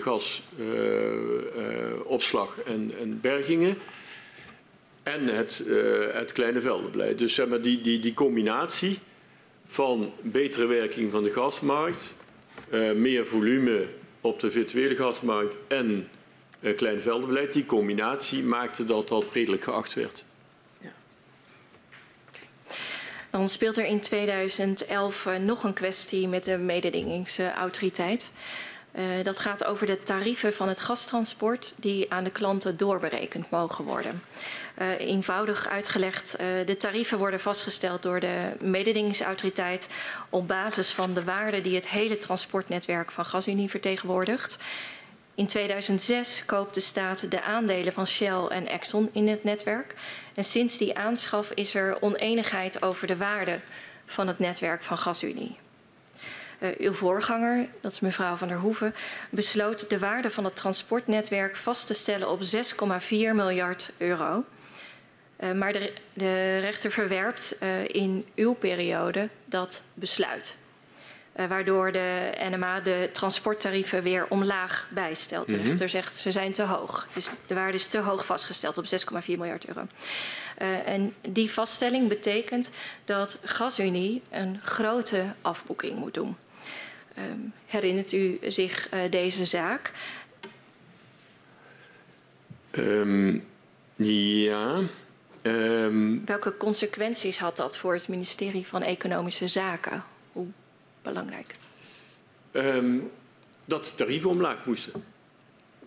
Dat, maar de, de, de, de, consequentie uh, door de gasunie was in handen, uh, was voor 100% staatsdeelneming waarvoor financiën verantwoordelijk was. Zeg maar de, um, waar wij toen over gesproken hebben is van als ze de extra kosten niet kunnen verdisconteren in de transportvergoeding. Um, hoe zorgen we dan dat er toch voldoende financiële middelen zijn? Dat is de reden waarom ik uh, op een gegeven moment ge, gepleit heb en, en, en, dat ook voorgesteld om een uh, minderheidsaandeel van de, de gasunie toch weer te privatiseren. Dus dat je niet meer voor alle investeringen die je moest doen om te voorkomen dat er bepaalde investeringen niet gedaan konden worden, bij de overheid moest aankloppen, maar dat je door, door een minderheidsaandeel te verkopen eigenlijk, dat er dan ook middelen, financiële middelen van, uh, van, van bedrijven, uh, van andere investeerders beschikbaar zou komen om de, uh, de kosten te, te betalen. Dat staat dus ook in, ik dacht in de, um, de voortgangsrapportage van de gasrotonde. Van 2011 is dat. Dit gaat over 2011 inderdaad. Hoeveel, hoeveel, contact is er geweest met de NMA over deze kwestie? Niet, bij mij weten. Okay. Ja, tenminste, ja, er zal ongetwijfeld contact zijn geweest, eh, omdat, vanwege de consequenties, maar niet, volgens mij niet door mij. Nee. U bent daar ook niet door, over geïnformeerd door uw ambtenaren dat daar contacten zouden zijn? Nee, nee. Um, uh, toch uh, zien we hier uh, dat u ook over dat besluit. ik ben er actief geweest. Van de NMA. Nou, u bent zeker actief geweest. Um, we zien dat u ook over dat besluit van de Nederlandse mededingingsautoriteit op 28 april 2011 persoonlijk contact opneemt met de NMA.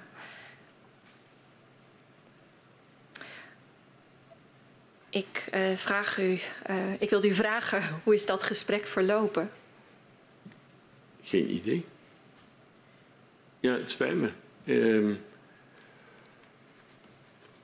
en, en kunt u mij enige duiding geven waarover ik dan contact heb opgenomen? Om een verheldering te krijgen of, of om... Uh, ik, ik, ik probeer ja. enig, uh, enig zicht te krijgen voor mijzelf.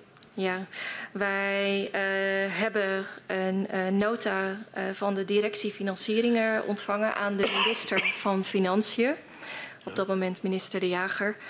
Um, en dat gaat over het resultaat van het overleg van minister Verhagen met de NMA. Dat op 28 april 2011 zou hebben plaatsgevonden. En wat was het resultaat?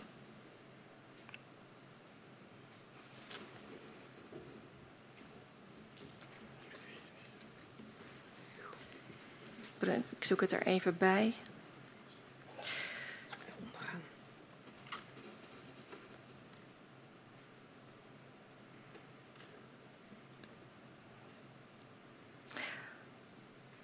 Wat wij hieruit uh, kunnen afleiden is uh, dat dit overleg minder succesvol is geweest. Want uh, wat wij hieruit af kunnen leiden is dat ja, de afwaardering, ja, dat u de afwaardering wilde voorkomen, maar dat dat niet is gelukt. Ja, ja. Ik, ik, weet het niet, U kunt zich dat niet, uh, nee. niet herinneren. Nee. Um, het heeft niet alleen blijkbaar op de NMA geen indruk gemaakt, maar ook niet meer op mij. Nee, het is inderdaad zo dat de NMA dus op dit moment, um, op dat moment bij haar besluit uh, blijft. Ja. Uh, dat, ja, dat, dat voornemens was te doen. Ja, dat weet ik. Um, kijk, de reden waarom wij deze twee voorbeelden aan u wilden voorleggen, is, u heeft er zelf al veel woorden over gezegd. Uh, de Nederlandse mededingingsautoriteit is toezichthouder, marktmeester is onafhankelijk. Ja.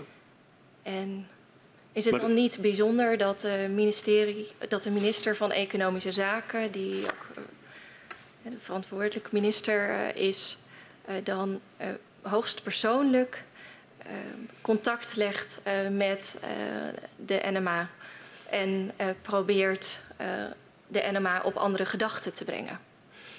De NMA is onafhankelijk. Um, dat laat onverlet dat je wel argumenten uh, ter verdediging van uh, de positie van de staat kunt inbrengen. Uh, als de, de staat zeg maar, de, beoordeeld wordt, hè, of handelen van de staat, of, waar, of waar de staat aandeelhouder van is, zoals Gasterra of Gasunie. Je kunt wel argumenten naar voren brengen waarom je, uh, net zo goed als zij, zij zich kunnen verdedigen. Ik bedoel, wordt zelf om een oordeel gevraagd. Maar dat, dat je, op het moment dat je daar zelf als overheid deelnemer aan bent, mag je wel de argumenten. Dat wil niet zeggen dat je daarmee de onafhankelijke positie van het oordeel. Het zou iets anders zijn als ik zeg, u mag dat oordeel niet nemen. Of u mag die, dat besluit niet nemen. Dat is heel iets anders dan wanneer je argumenten naar voren brengt waarmee, uh, waarmee je de positie van uh, de andere kant uh, verduidelijkt. Dat, daarmee tast je de onafhankelijkheid niet aan. De onafhankelijkheid wordt aangetast op het moment dat je, dat je ingrijpt in een besluit. Als ik zou zeggen, u mag dat besluit niet nemen, dan, dan ga je op de, op de stoel zitten of dan, dan tast je de onafhankelijkheid aan. Daar ging maar, het van, van, vanmorgen met de heer De Groot ook over. Uh, die uh, toen aangaf um, uh, of ook bevestigde dat, dat, dat je een stevig gesprek kunt voeren, maar de minister kan geen aanwijzing opleggen. Mag ik uw woorden ook zo begrijpen? Ja, zelfs dat de vraag of je een, een, een ja, ja, in theorie klopt dat. Ja, ja tuurlijk. Maar um, de. Nee, dat, dat, dat, laat ik het uit bij Louter hier houden, dat, dat is zo. Ja. Maar, maar verder, de, de, zeg maar, de, de, het wil niet zeggen dat ik de woorden gebruikt heb die in een ambtelijke nota staan. Ik, heb, ik uh, hou mijn eigen vrijheid om uh, mijn eigen woorden te kiezen. Ik ga niet letterlijk voorlezen wat daar staat. Dat is een informatie die een ambtenaar jou geeft. Nou, dan heb je je eigen verantwoordelijkheid of je dat wel of niet doet. Dus op het moment dat in een nota staat, u moet hem ter verantwoording roepen. Ja, dat, dat, dat zou ik om te beginnen niet doen om de doodeenvoudige reden dat ik dat over de grens vind gaan. Ten opzichte van de onafhankelijke positie. Ja. Maar argumenten naar voren brengen of opheldering vragen, dat kan absoluut wel. Oké, okay, dus u, u uh, geeft daarmee aan dat het, ja, dat het heel gebruikelijk is om uh, vanuit het ministerie en in de rol van minister op deze manier contact te leggen met uh, de Raad van Bestuur van de Nederlandse Mededingingsautoriteit. Ook op het moment dat je een dat, uh, ja, de, de, dat, uh, dat gewenst is dat zij op een andere gedachte gaan komen. Nee, dat is niet gebruikelijk. Um, maar wat, het, dan, het kan dat vraagt wel wat nadere van... duiding van u. Wat zegt dat, geeft wel wat na, dat vraagt echt wel wat nadere duiding van u. Ah. Want u werkt nu uh, de indruk, en als dat niet zo is, dan, dan, dan moet u dat zeggen, dat, dat het gebruikelijk is om die argumenten, als je het niet met de autoriteit eens bent, om dat wel goed naar voren te brengen. Um, Nee, het is, kijk wat, ik bedoel met gebruikelijk, ik vatte uw woorden zo op dat, dat dit regelmatig voorkwam. Uh, dat dat gebruikelijk was, dat je eigenlijk bij wijze van spreken bij, bij iedere uitspraak van een NMA dat je, uh, dat je, dat je contact wilt opnemen. Uh, wat, ik, wat ik wilde, daarom zei ik van nee, dat is niet gebruikelijk. Maar ik kan me wel voorstellen dat je in het, in, in het kader van, van, van bijvoorbeeld een escalatie, als je zelf partij bent, dat je want in dit geval de staat partij is van, van degene waar, het, waar uh, de NMA over oordeelt. Of dat nou is uh, omdat je aandeelhouder bent van Gasterra of partij bent bij Gasterra. Of uh, een, een staatsdeelneming hebt van, bij betrekking tot de gasunie. Dat je in zo'n geval wel als staat, omdat je degene bent die, die, die uh, onderzocht wordt door de NMA, dat je dan je eigen argumenten naar voren brengt. Dat kan ik me wel voorstellen. Maar waar liggen dan niet, voor u de, je bent de grenzen? Niet, je bent niet uh, uh, een willoos uh, slachtoffer in de zin van dat je niet meer je eigen verweer of je eigen argumenten naar voren zou mogen brengen waarom jij vindt dat er geen sprake is van schending van de mededinging. En wat, dat, dat bedoel ik te zeggen. Maar eh, u zegt als op het moment dat je zelf partij uh, bent, andere partijen hebben uh, waarschijnlijk niet zo'n gemakkelijke toegang tot nee. uh, de Wel. voorzitter van de raad van bestuur van de mededingingsautoriteit. Ja, maar die, die, die kunnen zich ook verweren. Die, die, moeten, alleen, die, die moeten dan vaak dat via een advocaat of via een andere juridische hulp. Dus je hebt, uh, maar het staat in ieder vrij om argumenten naar voren te brengen waarom die vindt dat de, dat de NMA, uh, uh, dat, dat er geen sprake is van de schending van, van de NMA. Ik bedoel, dat, dat, dat, dat is altijd zo. Daar zit, daar, zit, daar zit wat dat betreft geen verschil. Dank u wel. Dan zien we dat uw ambtenaren in 2011 een project starten over de toekomst van het gasgebouw. Uh, en dat is naar aanleiding van het feit eigenlijk dat uiteindelijk toch het einde van de gaswinning in Groningen langzaam in zicht uh, komt. U spreekt een aantal keer met vertegenwoordigers van Shell en Exxon over de toekomst van het gasgebouw. Hoe reageren zij op de initiatieven vanuit Economische Zaken om het gasgebouw te hervormen? Um, naar de mening van, van Shell en Exxon uh, was daar uh, eigenlijk geen aanleiding toe. Um, En naar de mening van Economische Zaken was daar wel aanleiding toe om daar in ieder geval over na te denken. Want en wat was die aanleiding? Wat zegt u? Wat was die aanleiding? De aanleiding was dat wij vanaf 2025 naar verwachting van uh, netto-exporteur, uh, netto-importeur zouden worden. Met andere woorden, uh, er zou eigenlijk veel meer uh, gas van buiten komen, vanuit uh, Rusland, Noorwegen, uh, Azerbeidzjan, Algerije, noem maar op. Van andere landen waarmee je contracten kon afsluiten. Dus meer gas waar wij niets mee te maken hadden. En minder gas uit de, de Nederlandse velden. Ja. Dus dan zou de positie Kijk, de, het gasgebouw is tot stand gekomen. Dat, dat was dus al sinds 60 jaar, sinds 1962, eh, bij de Nota de Paus. Dat was, juist die publiek-private samenwerking was uh, vormgegeven. En dat, dat, uh, die, die, die, die, die combinatie zou natuurlijk veel minder worden naarmate je minder eigen gas had en meer gas of zelfs helemaal afhankelijk zou worden van buitenlands ja, gas. Het idee was eigenlijk tot 2020 kunnen we goed uh, produceren. Dan neemt het af, ook omdat de druk in het veld dan afneemt. Ja. En dan 2030 is het eigenlijk klaar. 2025 in mijn herinnering. Ja. Maar, en uh, economische zaken. En u was van mening, we moeten ons dus eigenlijk voorbereiden op een toekomst zonder Groningen. Ja. Dat betekent meer gas importeren. Ja.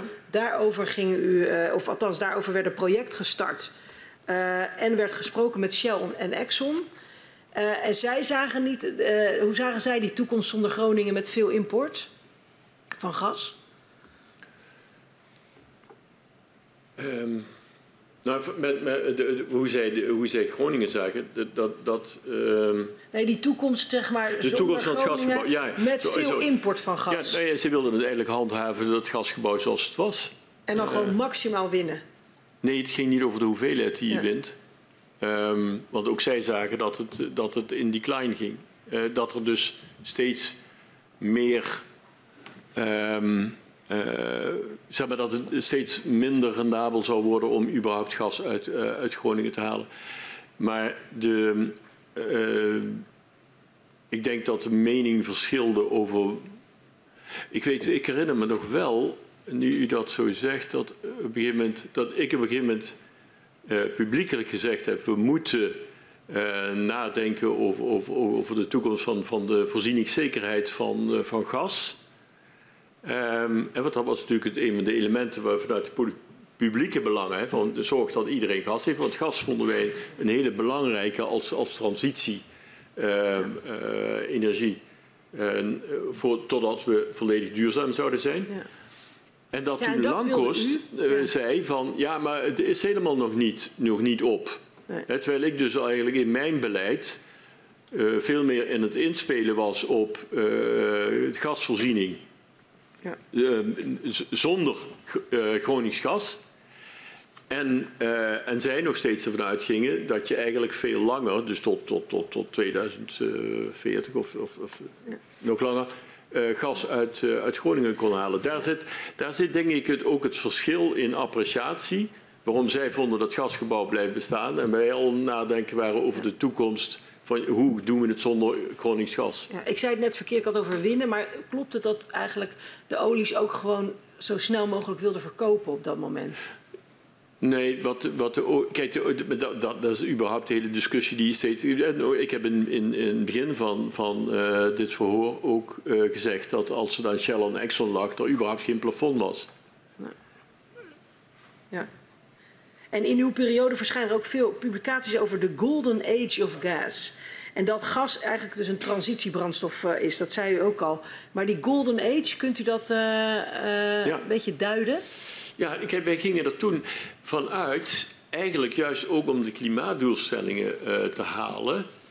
Uh, en wij uh, zeker wisten dat, dat weliswaar er een toename zou komen van duurzame energie, dus door, door, middel van windmolens en door middel van, van zonne-energie en, en anderszins. Um, dat je nog tot aan 2050, waarin die doelstelling was 100% duurzame energie, dat je nog steeds fossiele energie nodig had.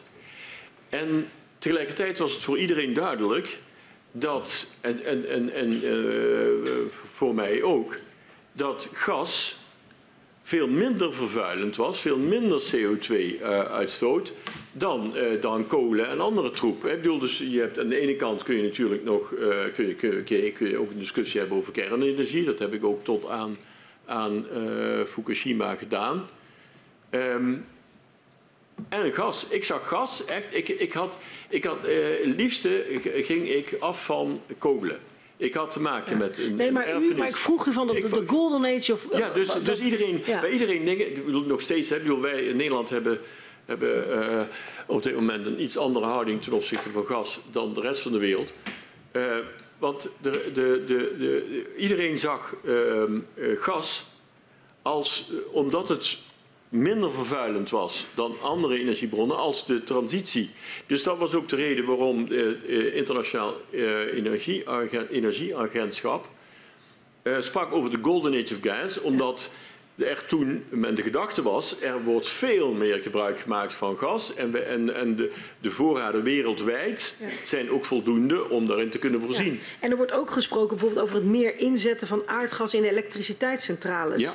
Hebben Shell en Exxon daarop aangedrongen om meer gas in elektriciteitscentrales te verstoken? Uh, um, zij, zij, zagen ook gas uh, als, een, als een belangrijke. Uh, ja, de, dus ook in de gesprekken met, met Shell en Exxon uh, of met, in ieder geval met Shell, was er naast, nee, naast uh, zeg maar groen gas, hè, dus ook bijvoorbeeld, ik heb begrepen wel dat ik met, met, uh, uh, met Exxon ook over, uh, over energie in relatie, hoe, hoe, haal je, hoe kun je groen gas uit algen en dergelijke maken. Dus er was ook een hele discussie over hoe kunnen we veel meer naar dat groene gas gaan.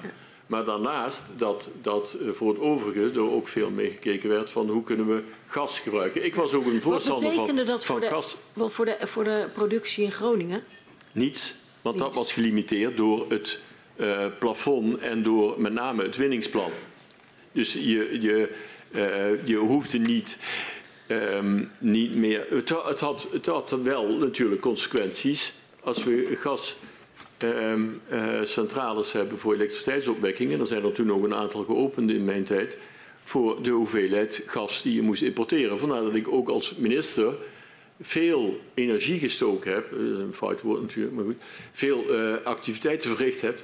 Ter, om, om in Rusland, in Algerije, in Azerbeidzjan uh, om daar uh, uh, gas en, en Qatar, liquid natural gas, dus ook in die tijd is dus de gate terminal geopend. Hè, dus dat, dat om, om LNG uit Qatar.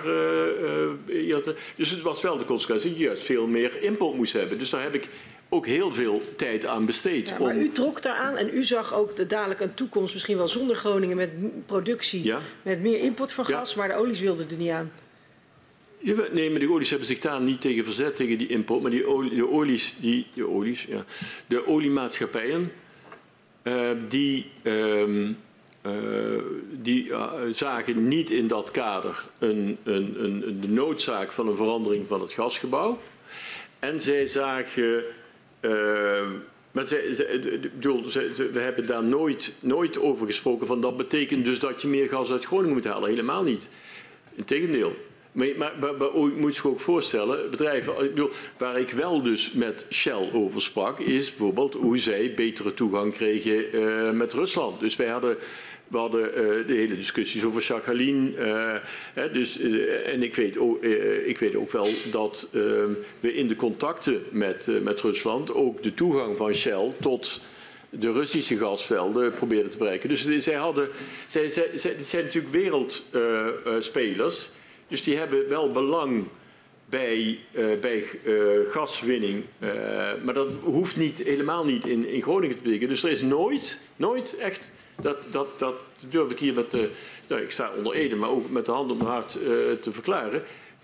Geverklaard of gevraagd, laat ons meer gas uh, produceren, want gas, de golden age of gas in Groningen. Hè? Dus dat is iets anders dan, dan dat zij graag toegang wilden hebben tot, tot, tot Russische velden, et cetera. Dan wil ik graag met u stilstaan bij de communicatie met de Tweede Kamer. Uh, want uh, in het verhoor hebben we het gehad over het Groninger plafond, uh, dat in 2011 wordt vastgesteld. Dat is destijds niet gecommuniceerd met de Tweede Kamer, terwijl dat volgens de gaswet wel verplicht is. Um, ook de boete die de, van de NMA, de hoogte daarvan is niet gedeeld met de Tweede Kamer. Hoe verklaart u dat? Um, ik maak even een onderscheid um, uh, tussen uh, wat fout is gegaan uh, en, en, uw woorden in die zin van u zegt niet gecommuniceerd. daar wil ik graag een, kanttekening bij plaatsen. Um, zeg maar in de, in, het in de nota waarin um, aan mij gevraagd wordt een besluit te nemen over het Groninger plafond. Daarin staat dat er ook een brief naar de Kamer gaat en dat die, mij terzijde de tijd wordt, wordt voorgelegd ter ondertekening en dat de Kamer daarvan op hoogte. Um, uh, dat had, dat, ik heb uh, ter voorbereiding van dit verhoor heb ik ook nagevraagd van waar is die brief, van, wat, wat, heeft de Kamer daarmee gedaan, omdat ik daar uiteraard wel in geïnteresseerd was. En toen werd gezegd van er is nooit een brief naar de Kamer gegaan. En het heeft mij uh, uh, ja, uh, verrast. Ik ben, daar, ik ben daarvoor verantwoordelijk. Dat had absoluut, had absoluut een brief naar de Kamer moeten gaan. Dat is een fout van mij, ben ik voor verantwoordelijk. Dat heb ik niet juist gedaan, punt. los van de vraag dat je, of je weet wat je allemaal aan, aan stapels brieven krijgt. maar dat, dat had horen te gebeuren. Er is wel gecommuniceerd met de Kamer over het plafond. Ik heb in, uh, in juni, uh, dus in januari is dat besluit genomen. In juni 2011 is uh, de jaarrapportage delfstoffen en aardwarmte is vastgesteld. En daarin staat op pagina 22 staat het plafond, inclusief dus die afspraak dat men die 25 miljard of die 22 of 4, uh, extra uh, mocht produ produceren. de inhaal van de periode daarvoor. Dat staat daar gewoon op pagina 22, kunt, u, kunt u zo nalezen. Dat rapport is naar de Kamer gestuurd door mij. Het was een openbaar verslag. Het heeft mij in dat kader overigens ver, verbaasd dat ik de Jong, dus de, de, de secretaris-generaal van de staatstoezicht op termijn, de, eerder deze week hoorde zeggen dat hij pas in 2013 uh, wist dat, dat dat plafond hoger was, was vastgesteld op een brief die hij die die onderhands kreeg. Want dit jaarverslag over de delfstoffen en de aardwarmte, dat wordt gemaakt door EZ in combinatie met staatstoezicht op termijnen. Met andere woorden, de, de, dit rapport wordt mede met, met uh, staatstoezicht op termijnen vastgesteld. Dus ik kan me niet voorstellen dat staatstoezicht op termijnen dit, dit, uh, dit rapport niet, dit jaarverslag niet heeft gehad, want dat is van, mede van hun, hunzelf. Dus ik, uh, het kan best zijn dat de jong zelf het natuurlijk nooit geweten heeft. Maar staatstoezicht op termijnen uh, was betrokken ook bij, bij dat jaarverslag. Dus de Kamer Formeel, er is dus geen sprake van, van, uh, van, uh, van geheimhouding. Uh, en nogmaals, er had een brief naar de Kamer moeten gaan. Absoluut, dat is helemaal fout. Dat, dat was niet ook gebeurd. de bedoeling, Punt. hebben wij begrepen, als processtap. Maar hij is niet gekomen. Die is niet gekomen. Nee. Maar de, de Kamer eh, had op de hoogte kunnen zijn van het plafond, inclusief die, die, die inhaal. Uh, omdat dat in een rapport wat ook aan de Kamer is aangeboden stond op pagina 22. En, en het andere besluit? Dat andere, ja, ik, ik weet zelfs niet, die, die, ik weet zelfs de hoogte van die boete niet. Uh, is mij ook nooit meegedeeld hoe hoog die boete was. Dus ik, ik kan dat ook, uh, wat dat betreft, um, kan ik ook niet um, zeggen waarom dat niet in de Kamer. Maar goed, ik, de, hoogte van de boete, ik weet niet of dat normaal gesproken aan, aan de Kamer. En dus normaal is, is het een openbaar iets. Ja, ja dus ik, of althans, de NMA kan. Um, uh, maakt een besluit normaal openbaar, inclusief de, de boete. Nou, en dat is een, een onderdeel geweest van, uh, van, uh, van de, de, de, de deal dat de NMA de boete niet bekend zou maken. Maar ik ging, ga, ga dus er niet over dat de NMA die boete niet, niet bekend maakt. Wat is um, in algemene zin uw beeld van de informatievoorziening vanuit het ministerie van Economische Zaken aan de Tweede Kamer? Uh, nou, ik denk dat, of ik denk, ik, uh, zeg maar, wat ik wist zelf, is uh, volgens mij ook meer, voor het merendeel uh, gewoon openlijk gecommuniceerd met de Tweede Kamer. Um, en, en als ik dat relateer aan de gang van zaken in het gasgebouw? Nou ja, er zijn bepaalde delen van het hele gasgebouw waar, um, waar, uh, waar je, uh, um, als het gaat over, over de hoogte, bijvoorbeeld de hoogte van contracten, uh, met exportcontracten, de hoogte van die bedragen, dat is ook nooit, nooit meegedeeld met de Kamer. En dat had weer te maken met commerciële belangen enzovoort. Um, Kijk, je ziet in zijn algemeenheid, maar misschien komen we dan nog wel op in het kader van, uh, als je nou al terugkijkt van wat, wat, wat, wat, wat, wat zou dat nou beter moeten. Um, de, ik ging ervan uit dat in die publiek-private samenwerking, hè, wat, wat het hele gasgebouw is, is dat, dat omdat er een participatie van de staat was, um, in, in, die samenwerking dat de publieke belangen uh, verdedigd of gewaarborgd zouden zijn.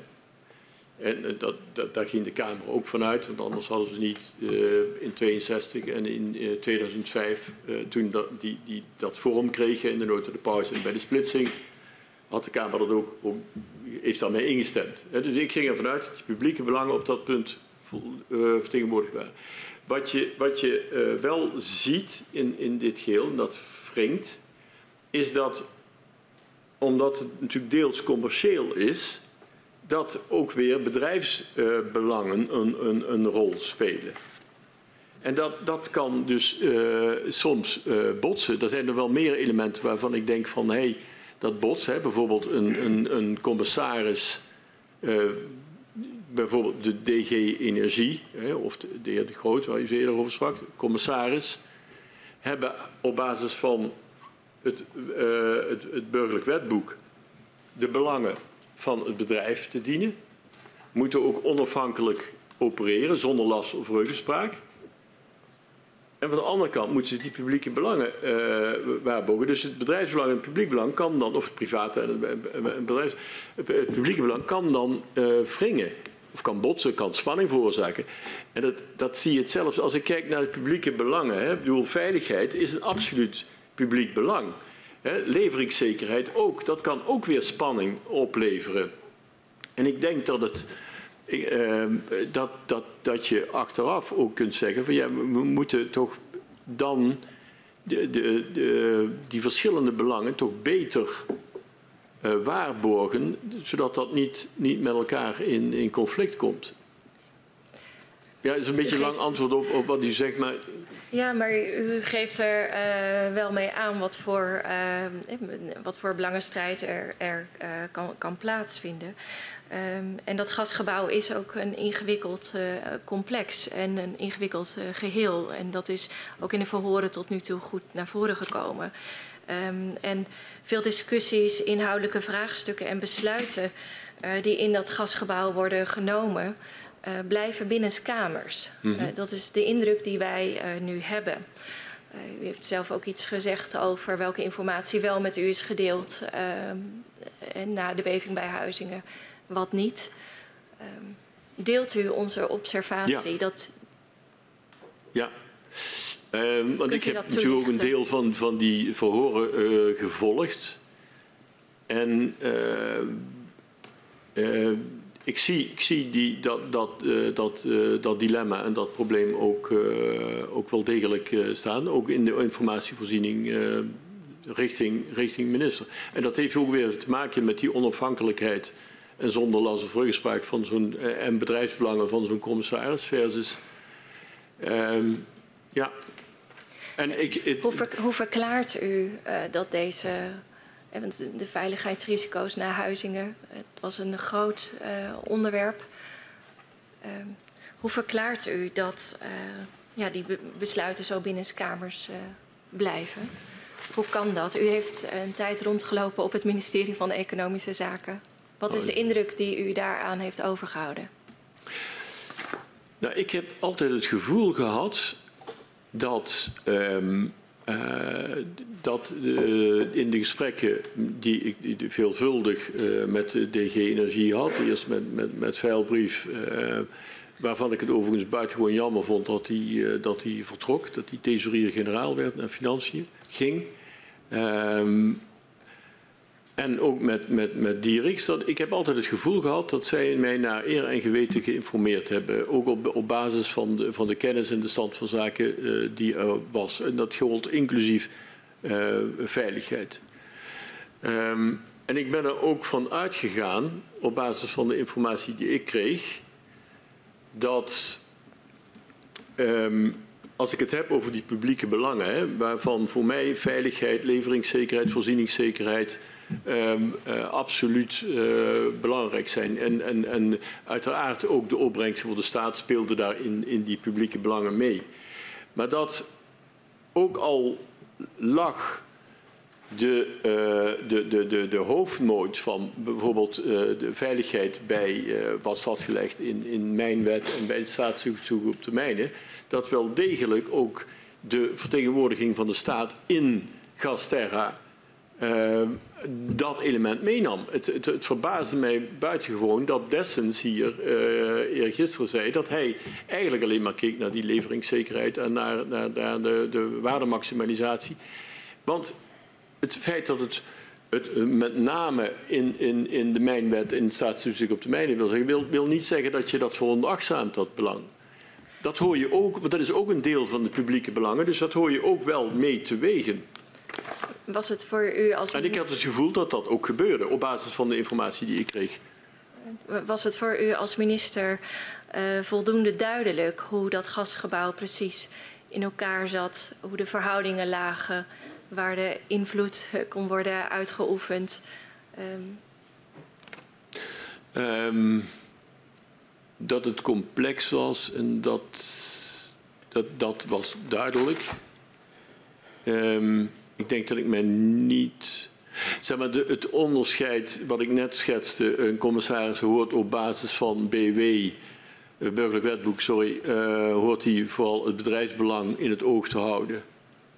Um, en uh, zonder last of ruggespraak, dus ook van mij heeft hij geen last en ruggespraak, hoort hij daar te opereren. En anderzijds Um, dat heb ik mij toen, en anderzijds juist de, de, de, de, waarborgen van die publieke belangen in de brede zin, dat heb ik mij onvoldoende gerealiseerd. Um, maar lopende ook de voorbereiding van, van dit verhoor en op basis van de stukken die ik gelezen heb en, en de verhoren die ik um, gezien heb,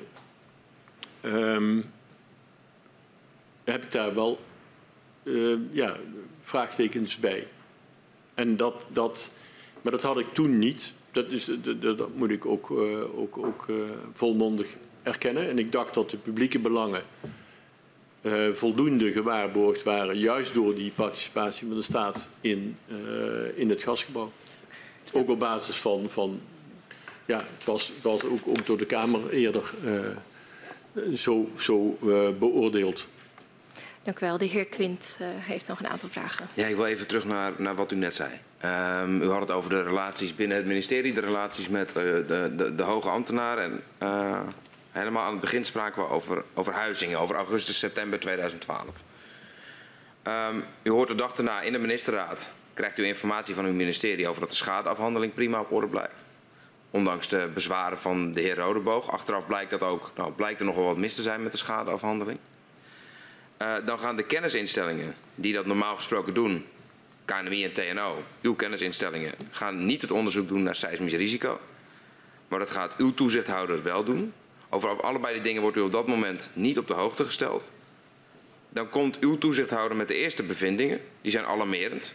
Zwaardere bevingen. Niet 3,9, misschien wel 4,6. Dat is een fors verschil. Daarvan wordt u ook niet op de hoogte gesteld. Wat, wat was daar aan de hand? Goeie vraag.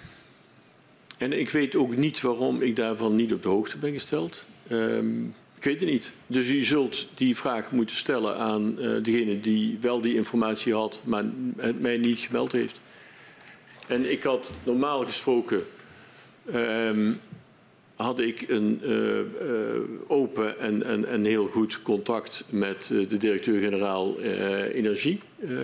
dus dat was. was het, het, het, het ehm, ook op het punt van, van, veiligheid hebben we ook altijd met name gekeken van, zeker door die veranderde samenstelling van het gas, hè, wat ook gevaar met zich mee zou brengen uh, eh, laagcalorisch, hoogcalorisch. Dat, dat, dat zou gevaar met zich mee kunnen brengen.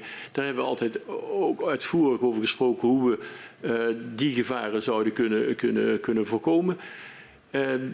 Dus ja, u zult die vraag toch moeten stellen aan degene die informatie had en hem niet gegeven heeft. Dus ik, ik, ik kan dat niet nu op dit moment niet. Misschien vond men het on, dat er nog te veel onzekerheden waren. Misschien vond men dat ja, ik kan alles gaan speculeren dat ik al heel veel op mijn bordje had. Ik weet het niet. Ik heb geen idee waarom ik die informatie niet gekregen heb.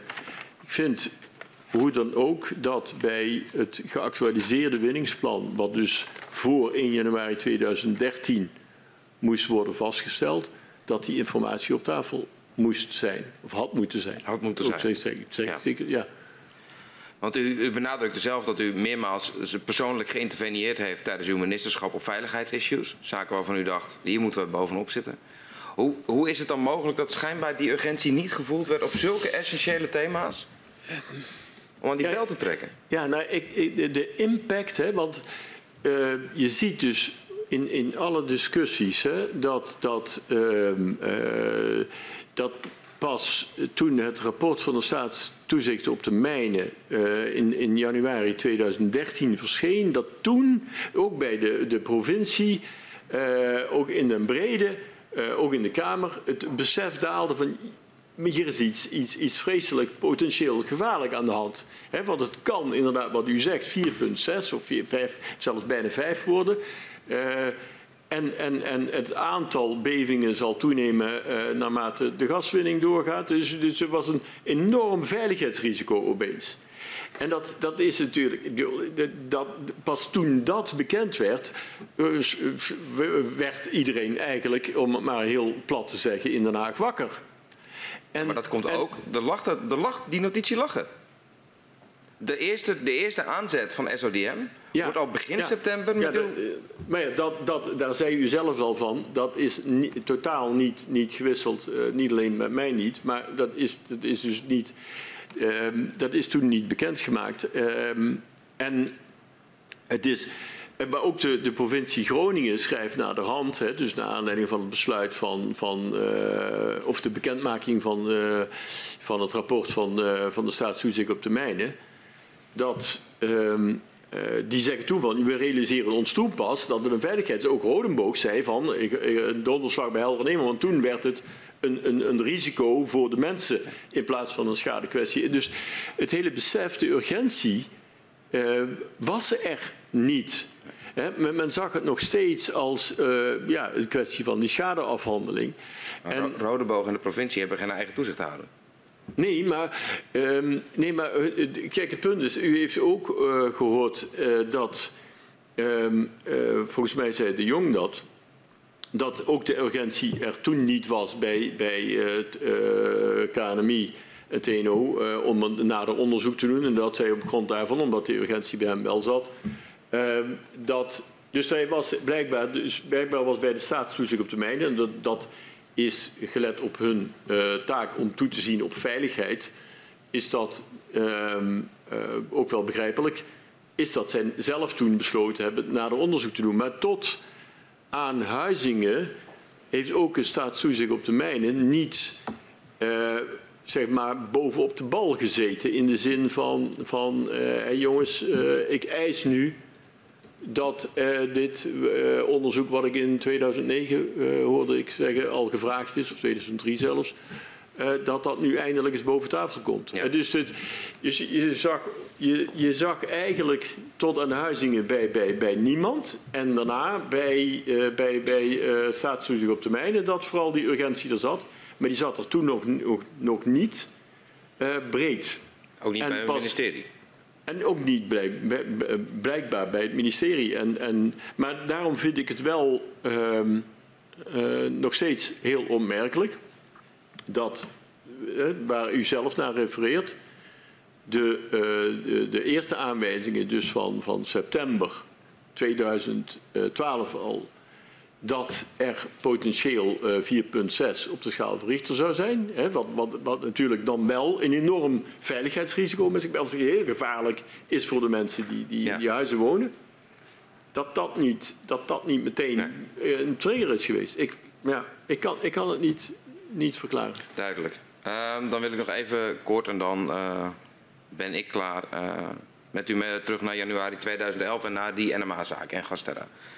Um, u benadrukt zojuist, u zegt van ja, um, ik heb onze zienswijze uh, gegeven.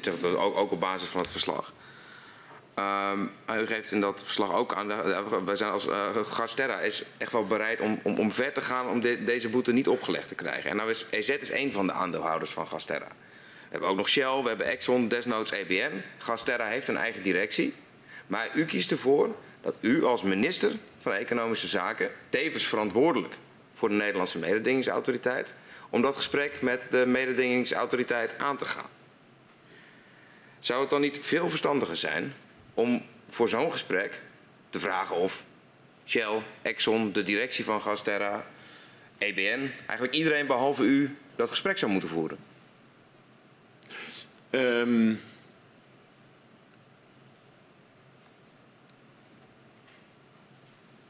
je bent wel als staat ben je voor uh, 50% aandeelhouder. Dus het, het, het gaat uh, de, de staat net zo aan. En op het moment dat uh, zeg maar het verzoek komt om, zeg maar, je, wat je, je, blijkbaar, blijkbaar is er geësca geëscaleerd. Hè? Blijkbaar hebben eerst andere ambtenaren of ambtenaren dat gesprek gevoerd. Dan wordt op een gegeven moment het verzoek gedaan, uh, minister, wilt u, uh, uh, wilt u dat gesprek voeren? Um, dan doe je dat onder de, onder de nogmaals, de, de, de, de, de voorwaarde dat uiteindelijk het besluit, het besluit is van de NMA. In, in, je hoort niet te proberen te verhinderen dat de NMA zelf een oordeel heeft. Ja. Je kunt wel argumenten naar voren brengen. Dat, heeft, dat uiteindelijk, heeft u uitgelegd. Maar... Uiteindelijk,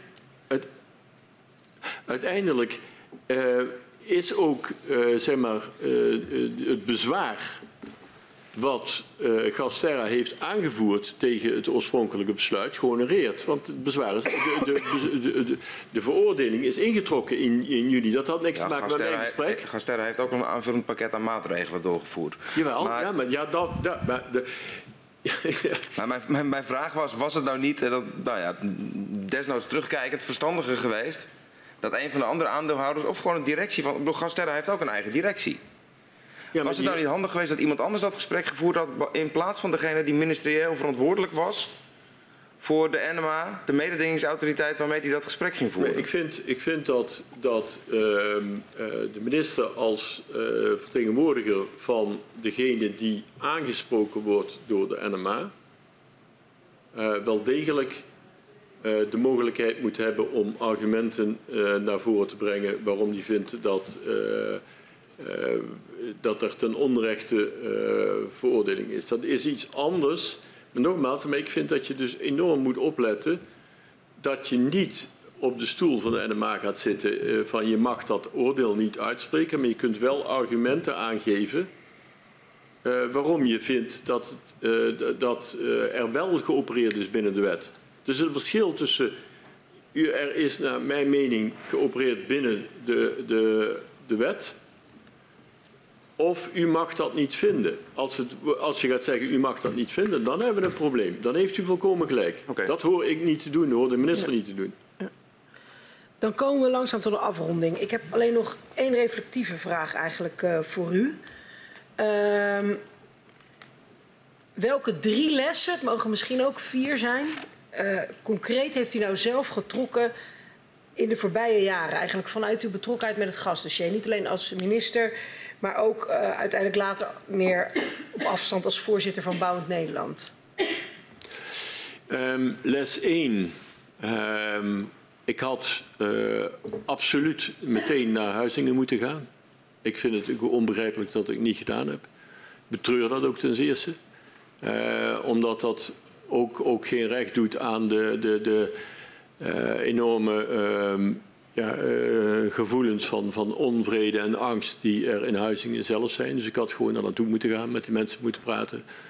Um, wat ik naderhand overigens wel gedaan heb. Als, als, ik heb met mensen gesproken die getroffen waren door aardbevingen. Maar dat is niet als minister. Dat heb ik als, uh, ook als voorzitter van Bouw Nederland gedaan.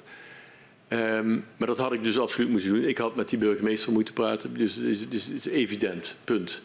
Uh, dat is, ik, kan er ook geen excuus voor bedenken. Uh, dat had ik gewoon moeten doen. Um, en ik had, ik had er dus gewoon echt naast die mensen moeten gaan staan die, die, die zo getroffen worden door, door, uh, door die aardbeving.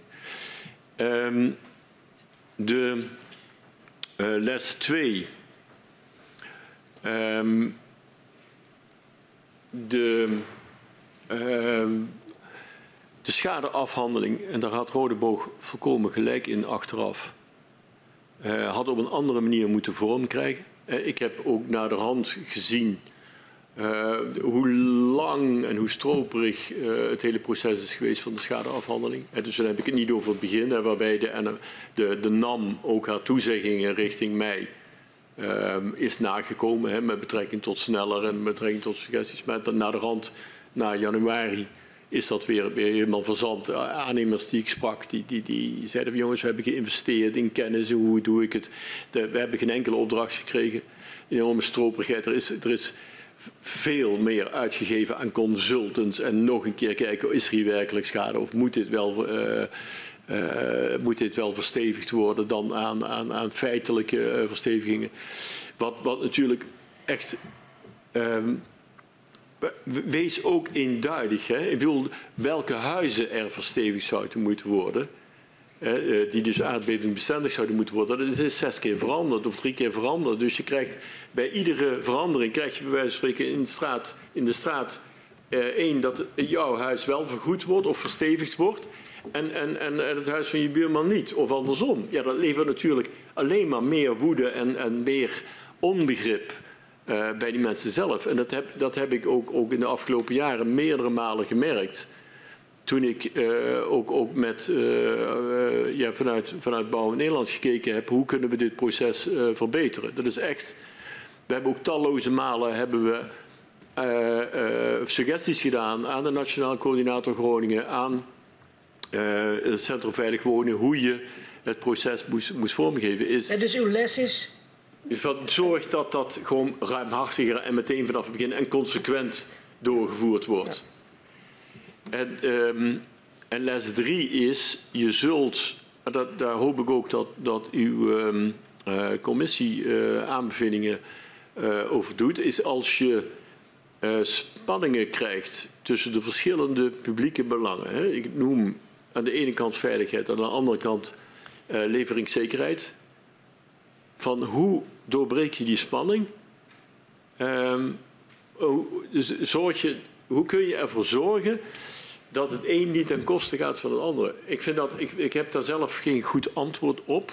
Um, maar dat heb ik me wel uh, meer en meer afgevraagd van hoe je dat, hoe je dat zeker kunt stellen. En daar zit, daar zit natuurlijk een, een conflict. Want aan de ene kant moet je wel uh, je huis verwarmen of... Uh, en aan de andere kant moet het veilig gebeuren. Wij zijn uh, als commissie uitgevraagd.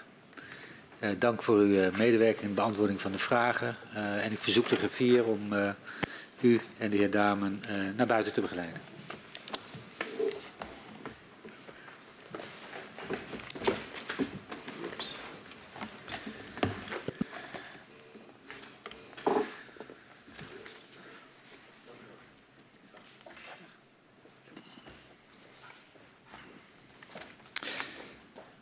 Morgen is uh, de laatste dag van deze week waarin wij uh, weer twee verhoren zullen uh, hebben. dat zal om tien uur beginnen met een verhoor van de heer Broenink. Die na een loopbaan bij ExxonMobil Chief Operation Officer was bij Gasterra, ook in de periode van Huizingen. Ik sluit de vergadering.